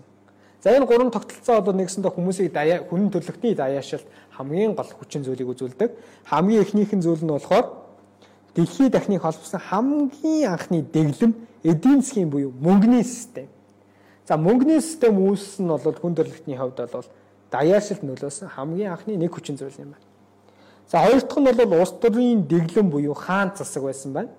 За гурав дахь нь буюу буддизм, христийн шашин, исламын шашин гэх мэт сүсэг сүсэг бишрэлийн тогтолцоо. Тэгэхээр энэ гурван тогтолцоо хүн төрөлхтний даяаршилт хамгийн том хүчин зүйл буюу байр суурийг бий болгожээ. За тэгэхээр хамгийн их анхны даяаршилт нөлөөлсөн тэр хүчин зүйлийг хамтдаа яриа. За тэр зүйл нь юу болохоо гэхээр мөнгө. За мөнгөний үнэр буюу нийтийн тооллын 1519 онд Эрнэн Кортес гэдэг одоо Испани эр Испани жанжин Мексик руу халдан довтлсон. За Мексик руу яагаад халдан довтлсон бэ гэхээр Мексикт тохоо үед тэр шар өнгийн голтмаа тэр шар өнгөний төмөр эдлэл маш олон хүний анхаарлыг татаж байсан. Тэр нь бол Мексикт байх алт гэдэг зүйлийн төлөө улаарын тэмцэж байсан.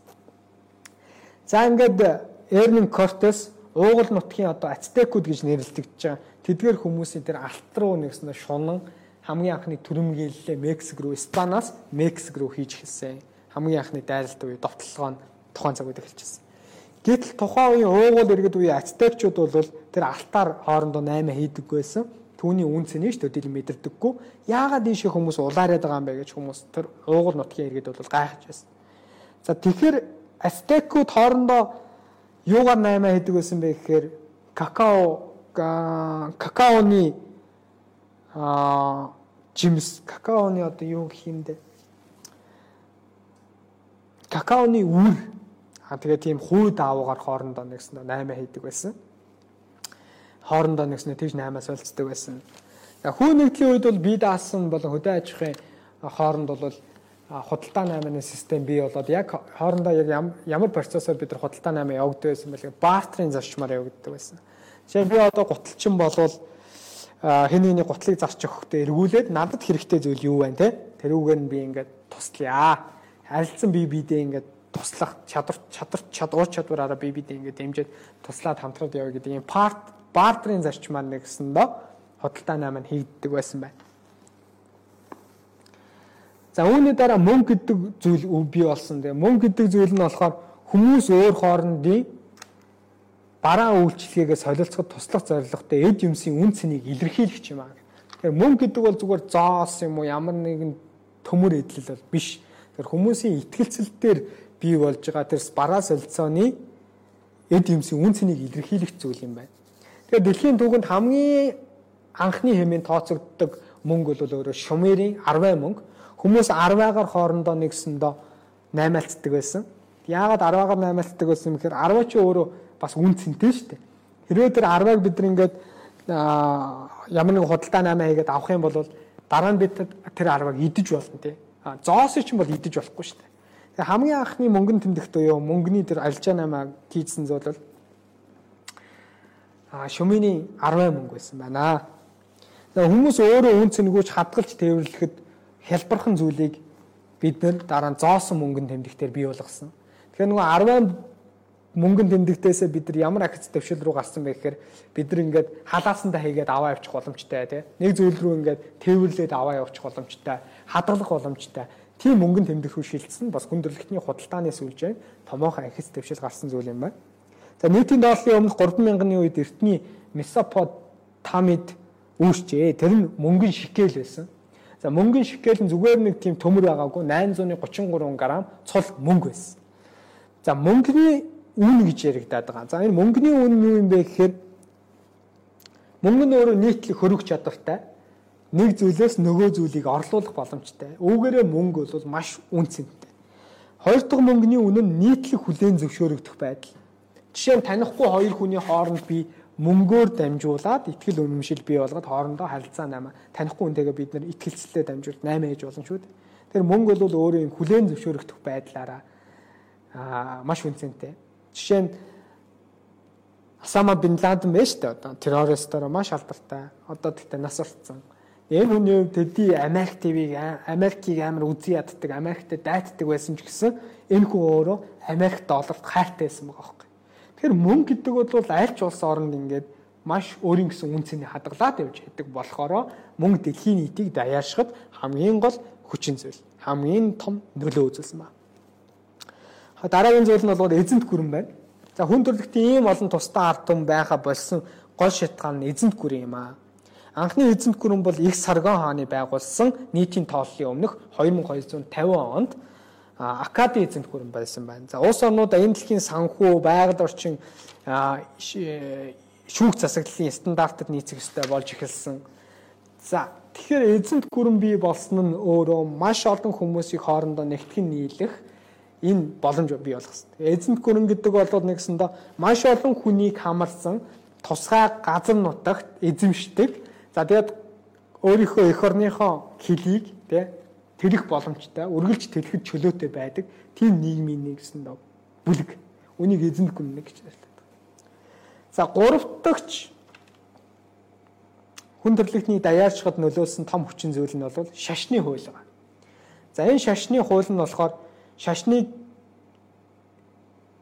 энэ үднээс нь аваад үзэх юм бол шашин гэдэг зүйл бий болсноороо хүн төрөлхтний сүшиг бишрэл, ихтгэл үнэмшил нь нэгдэн нийлэх, хүн төрлөختөн хоорондоо эм нэгдэлтэй а энх амгалан тайван одоо нэгсэндээ маш олон бурхад тухайн цаг үед бий болж шít. Гэхдээ шашин гэдэг зүйл чинь өөрөө зүгээр ингээд шууд утгаараа аваад үзэх юм бол хүний зүгээр тархин дотор байдаг зүйл байгаа зү. Төсөөллийн чанартай хизээж бурхан байдаг гэдэгт хүн боддоор ингээ бий болгоод энэ бурхан байдэн штий гэж гаргаж ич өнөөдөр тавиагүй л байгаа дээ.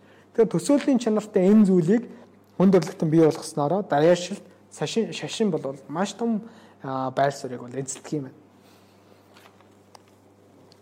За одоо дараагийн хамгийн сүүлийн хэсэг рүү орох гэж байна. Энэ бол шинжлэх ухааны хувьсгал. За нийтийн тооллын 1000 онд Испанийн Тарачиэр одоо жишээ нь шинжлэх ухааны хувьсгалыг би маш сонирхолтой нэгэн жишээгээр тайлбарлал энэ ном дээр ирсэн. За нийтийн тооллын өмнөх 1000 онд за Испани нэгэн тариачээр одоо Колумбийн усан онгоц дээр ингээд унтаа цэрэг гэж бодъё л та. 1000 онд байсан залууг нэгсэндээ 1500 онд аваад ирлээ. Тэгээ ингээд сэрхэд бол техник технологи бол маш олон зүйл бол харьцангуй байдлаар өөрчлөгдсөн байгаа. Гэхдээ яг л тэр залуу гэртээ байгаа юм шиг мэдрэмжийг мэдрэнэ. Гэтэл 1500 онд Колумби усан онгоцтой байсан нэгэн хөлөг онгоцон дээр байсан залууг одоогийн бидний амьдарч байгаа энэ iPhone хэрэгжилж байгаа энэ цаг үе рүү ингээд аваад ирэх юм бол одоо iPhone-ы утасны дууны чимээгээ сэрий гэж бодъё л та. Тийм бол тэр бүр гайх нь ямар аимшигтай магадгүй гайхалтай чиж хэлж болж магадгүй ийм нэгэнд би одоо сэрч вэ те би хүрээд ирвэ гэж гайхчихж магадгүй. Тэгэхээр ердөө сүүлийн 500 жилийн хугацаанд шинжлэх ухаан ямар хурдастай хөгжвөө энэ аж үйлдвэрчлэлийн хомсгол ямар том хил хязгаарыг даваад ирсэн бэ гэдгийг сүүлийн 5 жилийн хугацаанд бид харах боломжтой. Тэгэхээр үүнийг бол шинжлэх ухааны ховсгал бол илүүтэйгээр гаргаж ирсэн. За шинжлэх ухааны ховсгалын би давуу талуудыг ярив. Мм жишээ 1500 онд 500 сая хүн бараа бүтээгдэхүүн хүний жишээ нь 500 сая хүн 1500 онд амьдарч байсан бол өнөөдөр яг миний цаг үед 7 тэрбум гаруй хүн амьдарч байна. За жишээ нь 1500 онд бараа бүтээгдэхүүний нийт үнийн дүн өнөөгийн ханшаар 250 тэрбум ам доллар байсан бол өнөөдөртэй харьцуулахад нэг жилд үйлдвэрлэдэг бараа бүтээгдэхүүний үнийн дүн 60 их 80 доллар хүрч байгаа. Ам доллар шүү. Тэгвэл хүн төрлөختөн 1500 онд нэг өдөрт 13 их 80 калори буюу энерги хэрэгэлдэг байсан бол Өнөөдөр хүн төрөлхтний нэг өдрийн энергийн хэрэглээ 1500 их 80 байна. Тэгээ энэ тоог ингээд хэдүүлээ нэг хэдэн секунд ингээд бодоод үзээ л тээ. Тийм бол бид нар 500 жилийн дотор яаж өөрчлөгдсөн бэ гэхээр хүн ам 14 дахин өссөн байна. Бүтээгдэхүүний үйлдвэрлэл 240 дахин өссөн байна. Энергийн хэрэглээ 115 дахин өссөн байна. Тэгэхээр 500 жилийн дотор бид нар ямар гайхалтай өөрчлөлтийг хүн төрлөختөнд авчирсан бэ гэдгийг үүгээр харж болж байна. За орчин үеийн ганц байлдааны хөлөг онгоц 500 жилийн өмнөх ингээд цаг хугацаар очих юм болов шүү дээ. бүхэл бүтэн нэг усан плотын цэргийг зүгээр бут нэрхэхээр байгаа байхгүй. Тийм амар өгчсөн. Тэгэхээр тухайн цаг үеийн үед одоо дэлхий дээр 500 жилийн өмнө худалдаа худалдааны бүх тээвэрлтийг хийжээс усан онгоцны тэр ачаад ердөө өнөөдрийн 5 том хөлөг онгоцон дээр тээвэрлэгдэл хангалттай хүрэлцгүүц байгаа.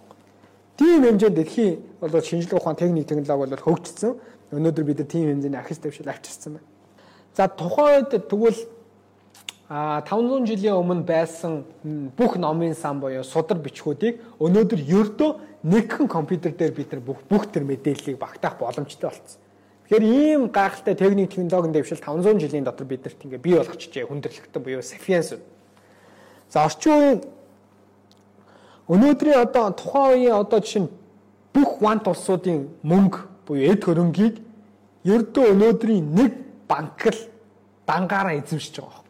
Тэгэхээр хүн төрлөختөн ийм богино хугацаанд гайхалтай дэвшлиг авчирсан нь бол би ердөө хэдхэн жишээг нь дурдлаа. Тэгээ маш олон жишээнүүдээр аваад үзэх юм бол хүн төрлөختөн богино хугацаанд ийм хэмжээний ахис дэвшлиг авчирсан байна аа гэж үзэж болж байна. За 1500 онд маш цөөхөн хот бий болсон. 100 мянгаас за нэг хот бол ердөө 100 мянгаас дээш хүнтэй одоо маш цөөн төрлийн хотууд л байсан. Гэтэл өнөөдөр Нью-Йорк, Токио зүгээр гайхалтай гайхалтай хотуудын хөгжлийг хараад нөгөө 500 жилийн өмнөх хоттой ингээ харьцуулбал хүн бүр шокнд орохоор байна. Тухайн 500 жилийн өмнө хотны өнгө төрх ямар байсан бэ гэхээр гурван давхар урилгал тэнгэр багадсан хамгийн өндөр барилгатай тооцогддог байсан байна л та. Тэгэл хүмүүс өдөржин ажиллаж байгаад орой харанхуй болонгод хаа нэгтээ байшингийн ингээд газар шавар тэртэн дандаа шавар барилга, модон барилгууд байгаа дээ. Барилгууд. Хаа нэгтээ нэг гэрэл харагдана. Тэр нэг лааны гэрэл ч юм уу дэнлүү харагдана. Гэтэл өнөөдрийн хотын гайхалтай хөгжилтэй харьцуулахад бол 500 жилийн өмнөх амьдрал бол оронгороо өөрчлөгдсөнгүү өөрчлөгдсөн. Аа бид нар үүнийг хүлээн зөвшөөрөх хэрэгтэй техник технологийн энэ том дэвшлиг. За тэгвэл 3522 онд Магелланы хөлгөн онгоц Испаниас гарч 72 мянган км замыг туулаад буцаад Испанд ирсэн байдаг юм байна. Тэр үед бол энэ том дэлхийг тойрон аялах энэ аялал бол 3 жил үргэлжилсэн. Гэтэл өнөөдөр Магелланыг Магелланы тэр туулсан тэр аяллыг энгийн дундаж орлоготой, дундаж амьдралтай хүн 48 цагийн дотор огт ямар нэгэн аюулгүйгээр туулж болохоор гоо би 48 цагийн дотор дэлхийг тойрч аялах боломжтой болсон байж тээ. Яг энэ цаг мөчид. Тэгэхээр бид нар ахис давшил авсан уу гэвэл авсан байна. Тэр ч бүхэл тэгээ Магеллан 1522 онд 72000 72000 км аялахдаа өөрийг нь оролцуулаад аяллах нь бүх хүмүүс нас орсон байх байдаг байхгүй тухайн цаг үед. Тэгээ бодохоор чинь бол бид нар өнөөдөр аюул осолгүй дэлхийг 48 цагийн дотор тойрно гэдэг төсөөлөд үзтээ. Тэгээ сонирхолтой бид техник технологийн дэвшлийн үр шимийг өнөөдөр хамтдаа хүртээд би өнөөдөр дэлхийн энэ одоо өнцөг боломжоор таамж байгаа энэ хүмүүстэй хамтдаа суугаад ингээд номын хилцүүлэг хийгээд байж байгаа нь бол техник технологийн нэг том дэвшил дэвшил мөн. За өнөөдөр 1969 оны 7 сарын 22 20-нд хүн хамгийн анх саран дээр буусан. Аполлон Аполлон 11 гэдэг хөлөг онгоц хамгийн анх саран дээр буусан тохиолдол 500 жилийн өмнө хүндрэлтэн дэлхийгээсээ бүр ингэж гарч буй саран дээр хүндрэлтэн бууна гэж төсөөлөөч байсан баг. Гэтэл бид нар 1969 онд хамгийн анхны хүн саран дээр бууссан. За энэ техник технологийн дараагийн нэг том дэвшил байна. Тэгэхээр өнөөдөр бол шинжлэх ухаанд маш олон хүмүүс хөрөнгө оруулснараа маш олон нөөц болцоог бий болгож байна. Өнгөрсөн 500 жилд бид нар шинжлэх ухаанд хөрөнгө оруулснараа түүнийхээ үр шимийг хүртэж маш хүчрэхэг болж байна маш их хүч чадлыг өөртөө хуримтлуулж байна. Энэ бол техник технологийн том дэвшил.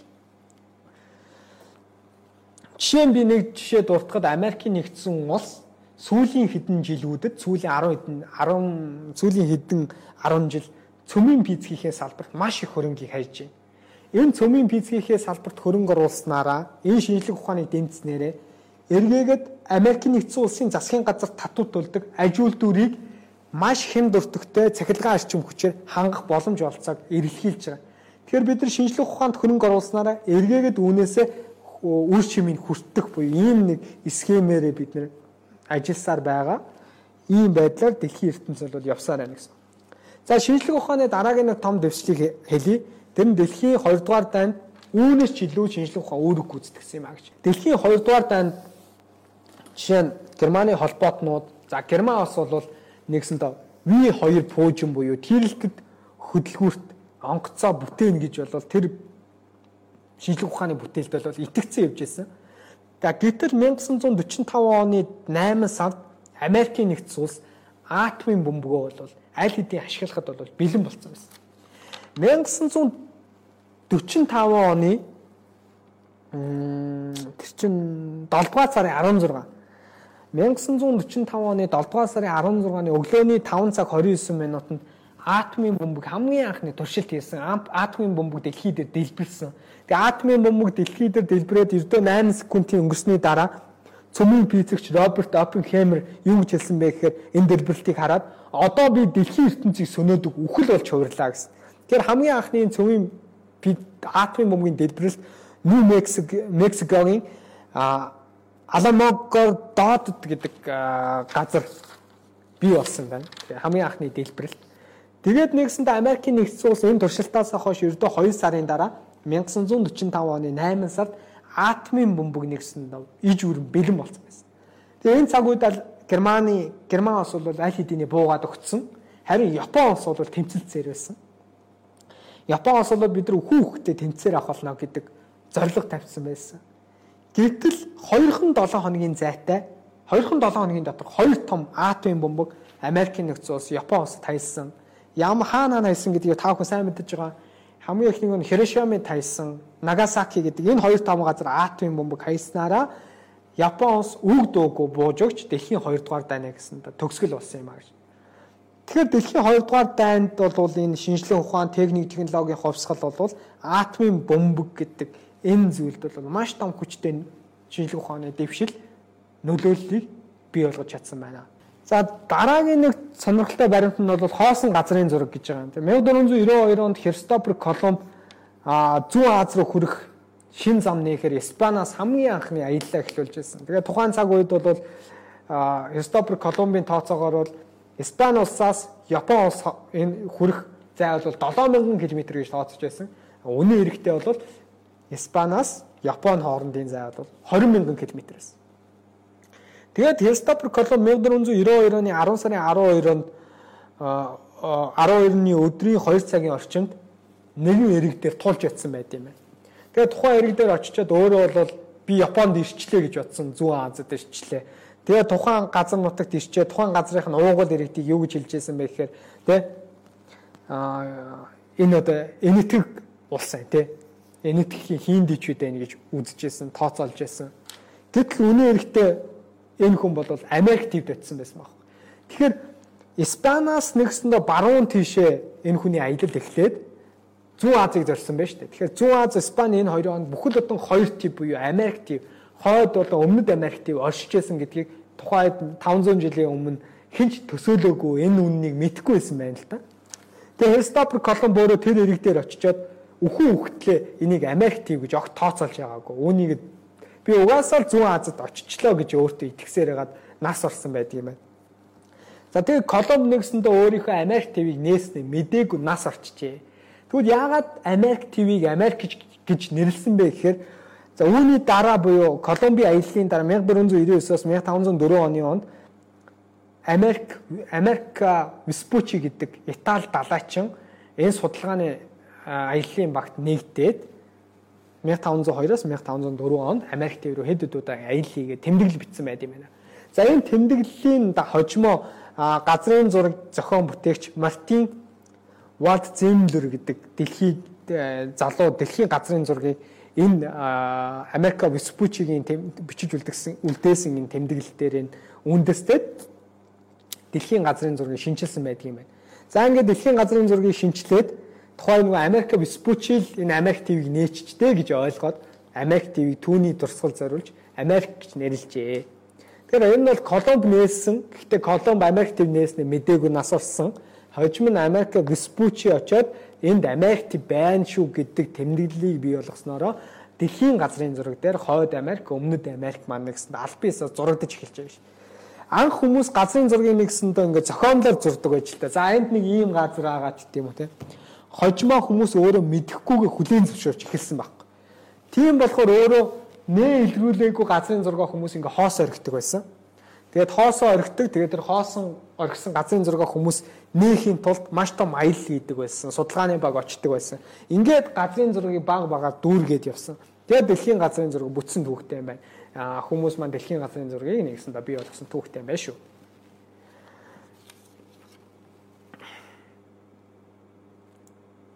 За үүний дараа бол тэгээд яг энэ номон дээр бол Испани эзэнт гүрний төрөмгийлэл, Голландын хаан Индонезийг төрөмгийлсэн, Их Британи ус энэтхийг эзэлсэн энэ том төрөмгийллүүдийг нэгсэндээ энэ номон дээр дурдж өгсөн байгаа. Тэгэхээр та бүхэн бас дэлгэрэнгүй уншуу сонирхолтой баримтууд гарах ба. За дараагийн хүн төрөлхтний гарсан шинжлэх ухааны энэ хувьсгал дотор бий болсон зүйлүүдээс хамгийн том онцлог зүйл нь капиталист номлол За 1500 онд нэг хүнд ногдох дотоодын нийт бүтээгдэхүүний хэмжээ 550 ам доллар байсан бол өнөө үед 8800 ам доллар байна. Тэгээ чөлөөт эзэн засгийн үр шим Адам Смит зах зээлийн эдийн засгийг анх томьёос нөхөр аа жишээ нь гуталчин хүний нэгэн сонирхолтой жишээг авсан байдаг. Чөлөөт эдийн засгийн үр шим нь яг юу юм бэ гэхээр Өнөөдөр би нэг готлын үйлдвэр ажилуулдаг байлаа гэж бодъё. Тийм бол готлын үйлдвэрт маань ямар нэгэн ашиг орох юм бол би тэр ашигаа эргүүлээд готлын үйлдвэртээ оруулна. Нэгснөө би бүтээгдэхүүн үйлдвэрлэлээ нэмэгдүүлэхийн тулд. За бүтээгдэхүүн үйлдвэрлэл нэмэгдээд ирэхээр ажлын байр бий болно. Өшөө олон хүмүүсийг би цалинжуулж эхэлнэ. За тэгвэл шунхай сэтгэлтэй гуталчин маань хүмүүсийнхээ ажлын байрыг нэмэгдүүлсэн хэрнээ хүмүүсийгээ цалинг багасгаад хүмүүсийнхээ нэгсэн доо юуг нь ажлын цагийг уртасгаад ирвэл яах вэ гэдэг асуудал гарч ирж байна. Нь өөрөө чөлөөт эдийн засаг өөрөө голлох үүрэг гүйцэтгэв. Хэрвээ чөлөөт эдийн засгийн тусламжтайгаар хэрвээ тэр хүнийг эзэн ажлын тийм зөв нөхцөл байдлаар хангахгүй бол тухайн сайн гуталчин тухайн гутлын үйлдвэрийг орхиод өөр сайн гутлын үйлдвэрчний үйлдвэрчэнд илүү нөхцөл сайтай, илүү өндөр цалинтай газар очиж ажиллах боломжтой. Энэ нь өөрөө чөлөөт эдийн засгийн нэг том ашиг тус. Гэхдээ бодит байдал дээр энэ чөлөөт эдийн засгийн энэ ач тус маань бодитоор хэрэгждэг үгүй л үгүй. Капиталистууд маань нэгсэндээ монополийг бий болгож эхэлдэг. Хоорондоо ярилцаж тохироод. Өнөөдөр бид нар шатхууны үн нэмэгдэж гин гэж ярьж байгаа. Энэ бол нэгсэндээ капиталистууд монополийг бий болгоцсон байгаа байхгүй. Хэрвээ өрсөлдөөн зах зээл байх юм бол энэ маань өөрөө чөлөөт эдийн засгийн хуулиараа бид нар нийлүүлэлт нь ихсээд эрэлт нь багасаад бид нар нэгсэндээ зах зээлийн үнийг тогтвортой байлгах багасгах боломж өрдөж байгаа. Тэгэхээр бодит байдал дээр энэ капиталист онлол номлол бол тодорхой байдлаар хэрэгждэг үү доголдоод байдаг. Энэ жишээг бол дурдж өгсөн байна. За эдийн засагт гарсан дараагийн ном ахиц том ахиц дэвшил нь юу вэ гэхээр Европчууд Америк ТV-г эзэлж байхад алт мөнгөний уурхаа нээж чихэр болон тамхи хөвөнгийн тариалан эрхэлж эхэлсэн. За тэгэхээр Европ үндэстэн өөрөө Европчууд Америк ТV-г эслэн төрөмгийлсэн цаг хугацааны тухай ярих гэж байна л да. Тэгэхээр тухайн цаг үед бол Америк ТV-д алт бол мөнгөний уурхайг Европчууд нээсэн байна. Тэгэд тухайн Европчууд маань дундад зууны үед чихрийн шижингийн чихрийн нишингний тариалан бол маш ихээр ихсжсэн. Яагаад тэгэхээр дундад зууны үеийн европчууд бол чихэрт маш ихээр дуртай байсан. Чихэрлэг амтлаг зүйлүүдийг бол өдөр тутмын хоол хүнсэнд хэрглэж эхэлдэг байсан. Тэгэхээр энэ нийлүүлэлт дагаад ингээд ихсээд эхлэхээр эрэлт нь бий болж эхэлж. Биш эрэлт нь бий болоод эхлэхээр нийлүүлэлт бий болох шаардлага үүснэ дээ. За ингээд дундад зууны тухайн цаг үед чихрийн нишингний тариалан ихссэн. Гэтэл чихрийн нишинг маань өөрөө тариалахад маш хүнд хэцүү Яагаад тэр өглөө нарнаас оройн өдөш хүртэл тариалангийн талбайд ажиллана. Тэгэхээр энэ нөрө хумхай өвчний халдварыг үүсгэх боломжтой. Тэгээд тухайн цаг үед чихрийн нишинг дээр ажилладаг хүмүүсийг маань АПЕК ТВ-с боолын хөдөлмөр буюу боолын худалдаа худалдаагаар хэдэн сая АПЕК-аас боолыг авчирдаг, боолыг авчирдаг байсан. Тэгээд чихрийн нишингний талбайд авчирч ажилуулдаг.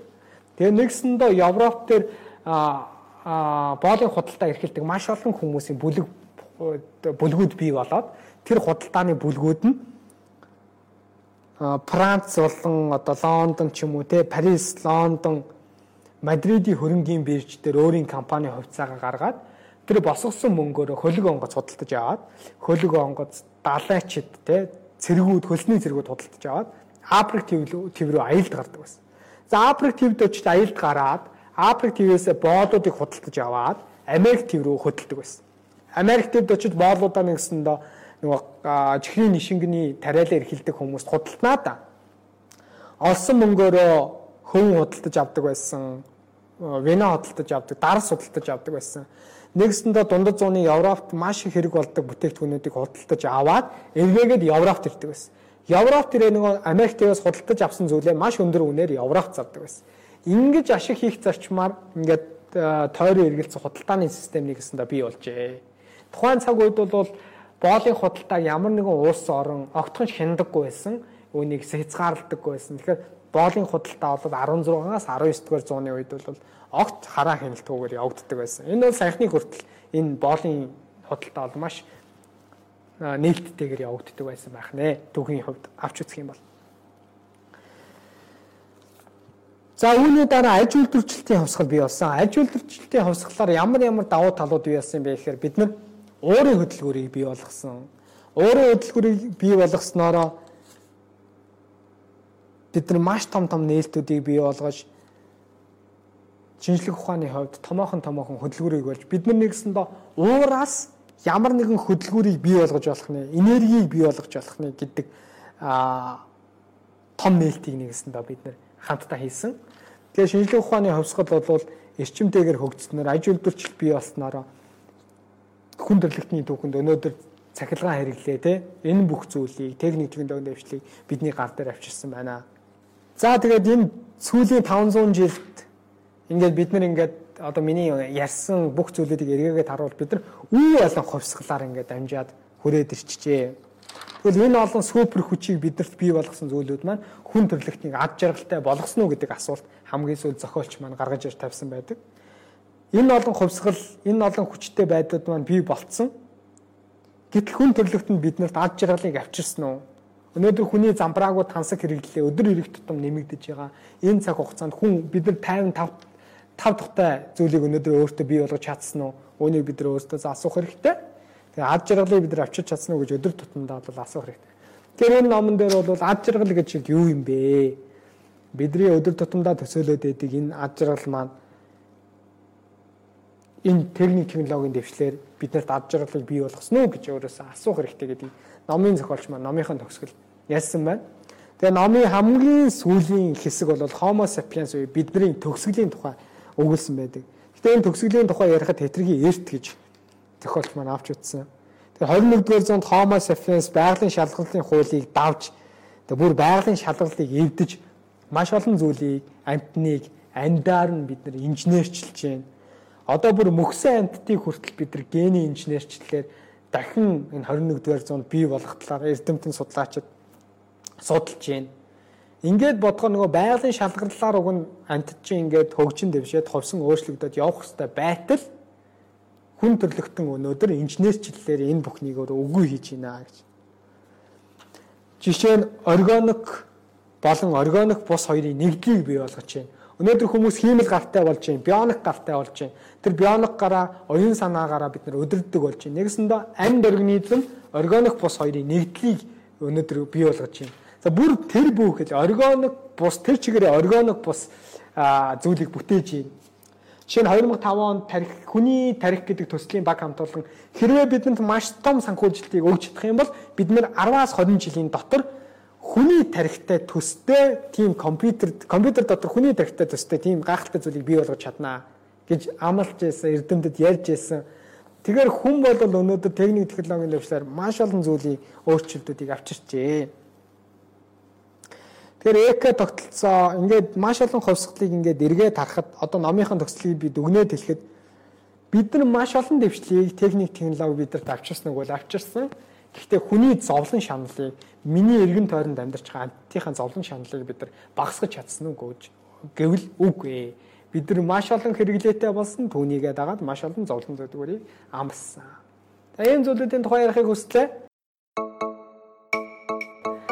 Энэ хүртэл хамтдаа байсан сонсогч танд маш их баярлалаа. Тэгээд сонсогч танд энэ удаагийн дугаараас ямар нэгэн авах зүйл байсан гэж бодож байгаа бол юу гэхээр та маш сайн мэдж байгаа. Энэхүү подкастыг скриншот хийгээд өөрийн Instagram хаяг дээрээ story юм уу пост байдлаар та оруулах боломжтой. Гэхдээ миний Instagram хаяг болох 50 цэг би гэсэн хаягийг меншн хийгээ та битгий мартаарай. Тэгж иж би та бүхний стори болон постыг талархсан сэтгэлдлийг ямар нэгэн санал санал шүүмжийг би хүлээж авах боломжтой болно. Тэгээд дараа дараагийн дугаараар дахин уулзтлаа. Түр баяртай.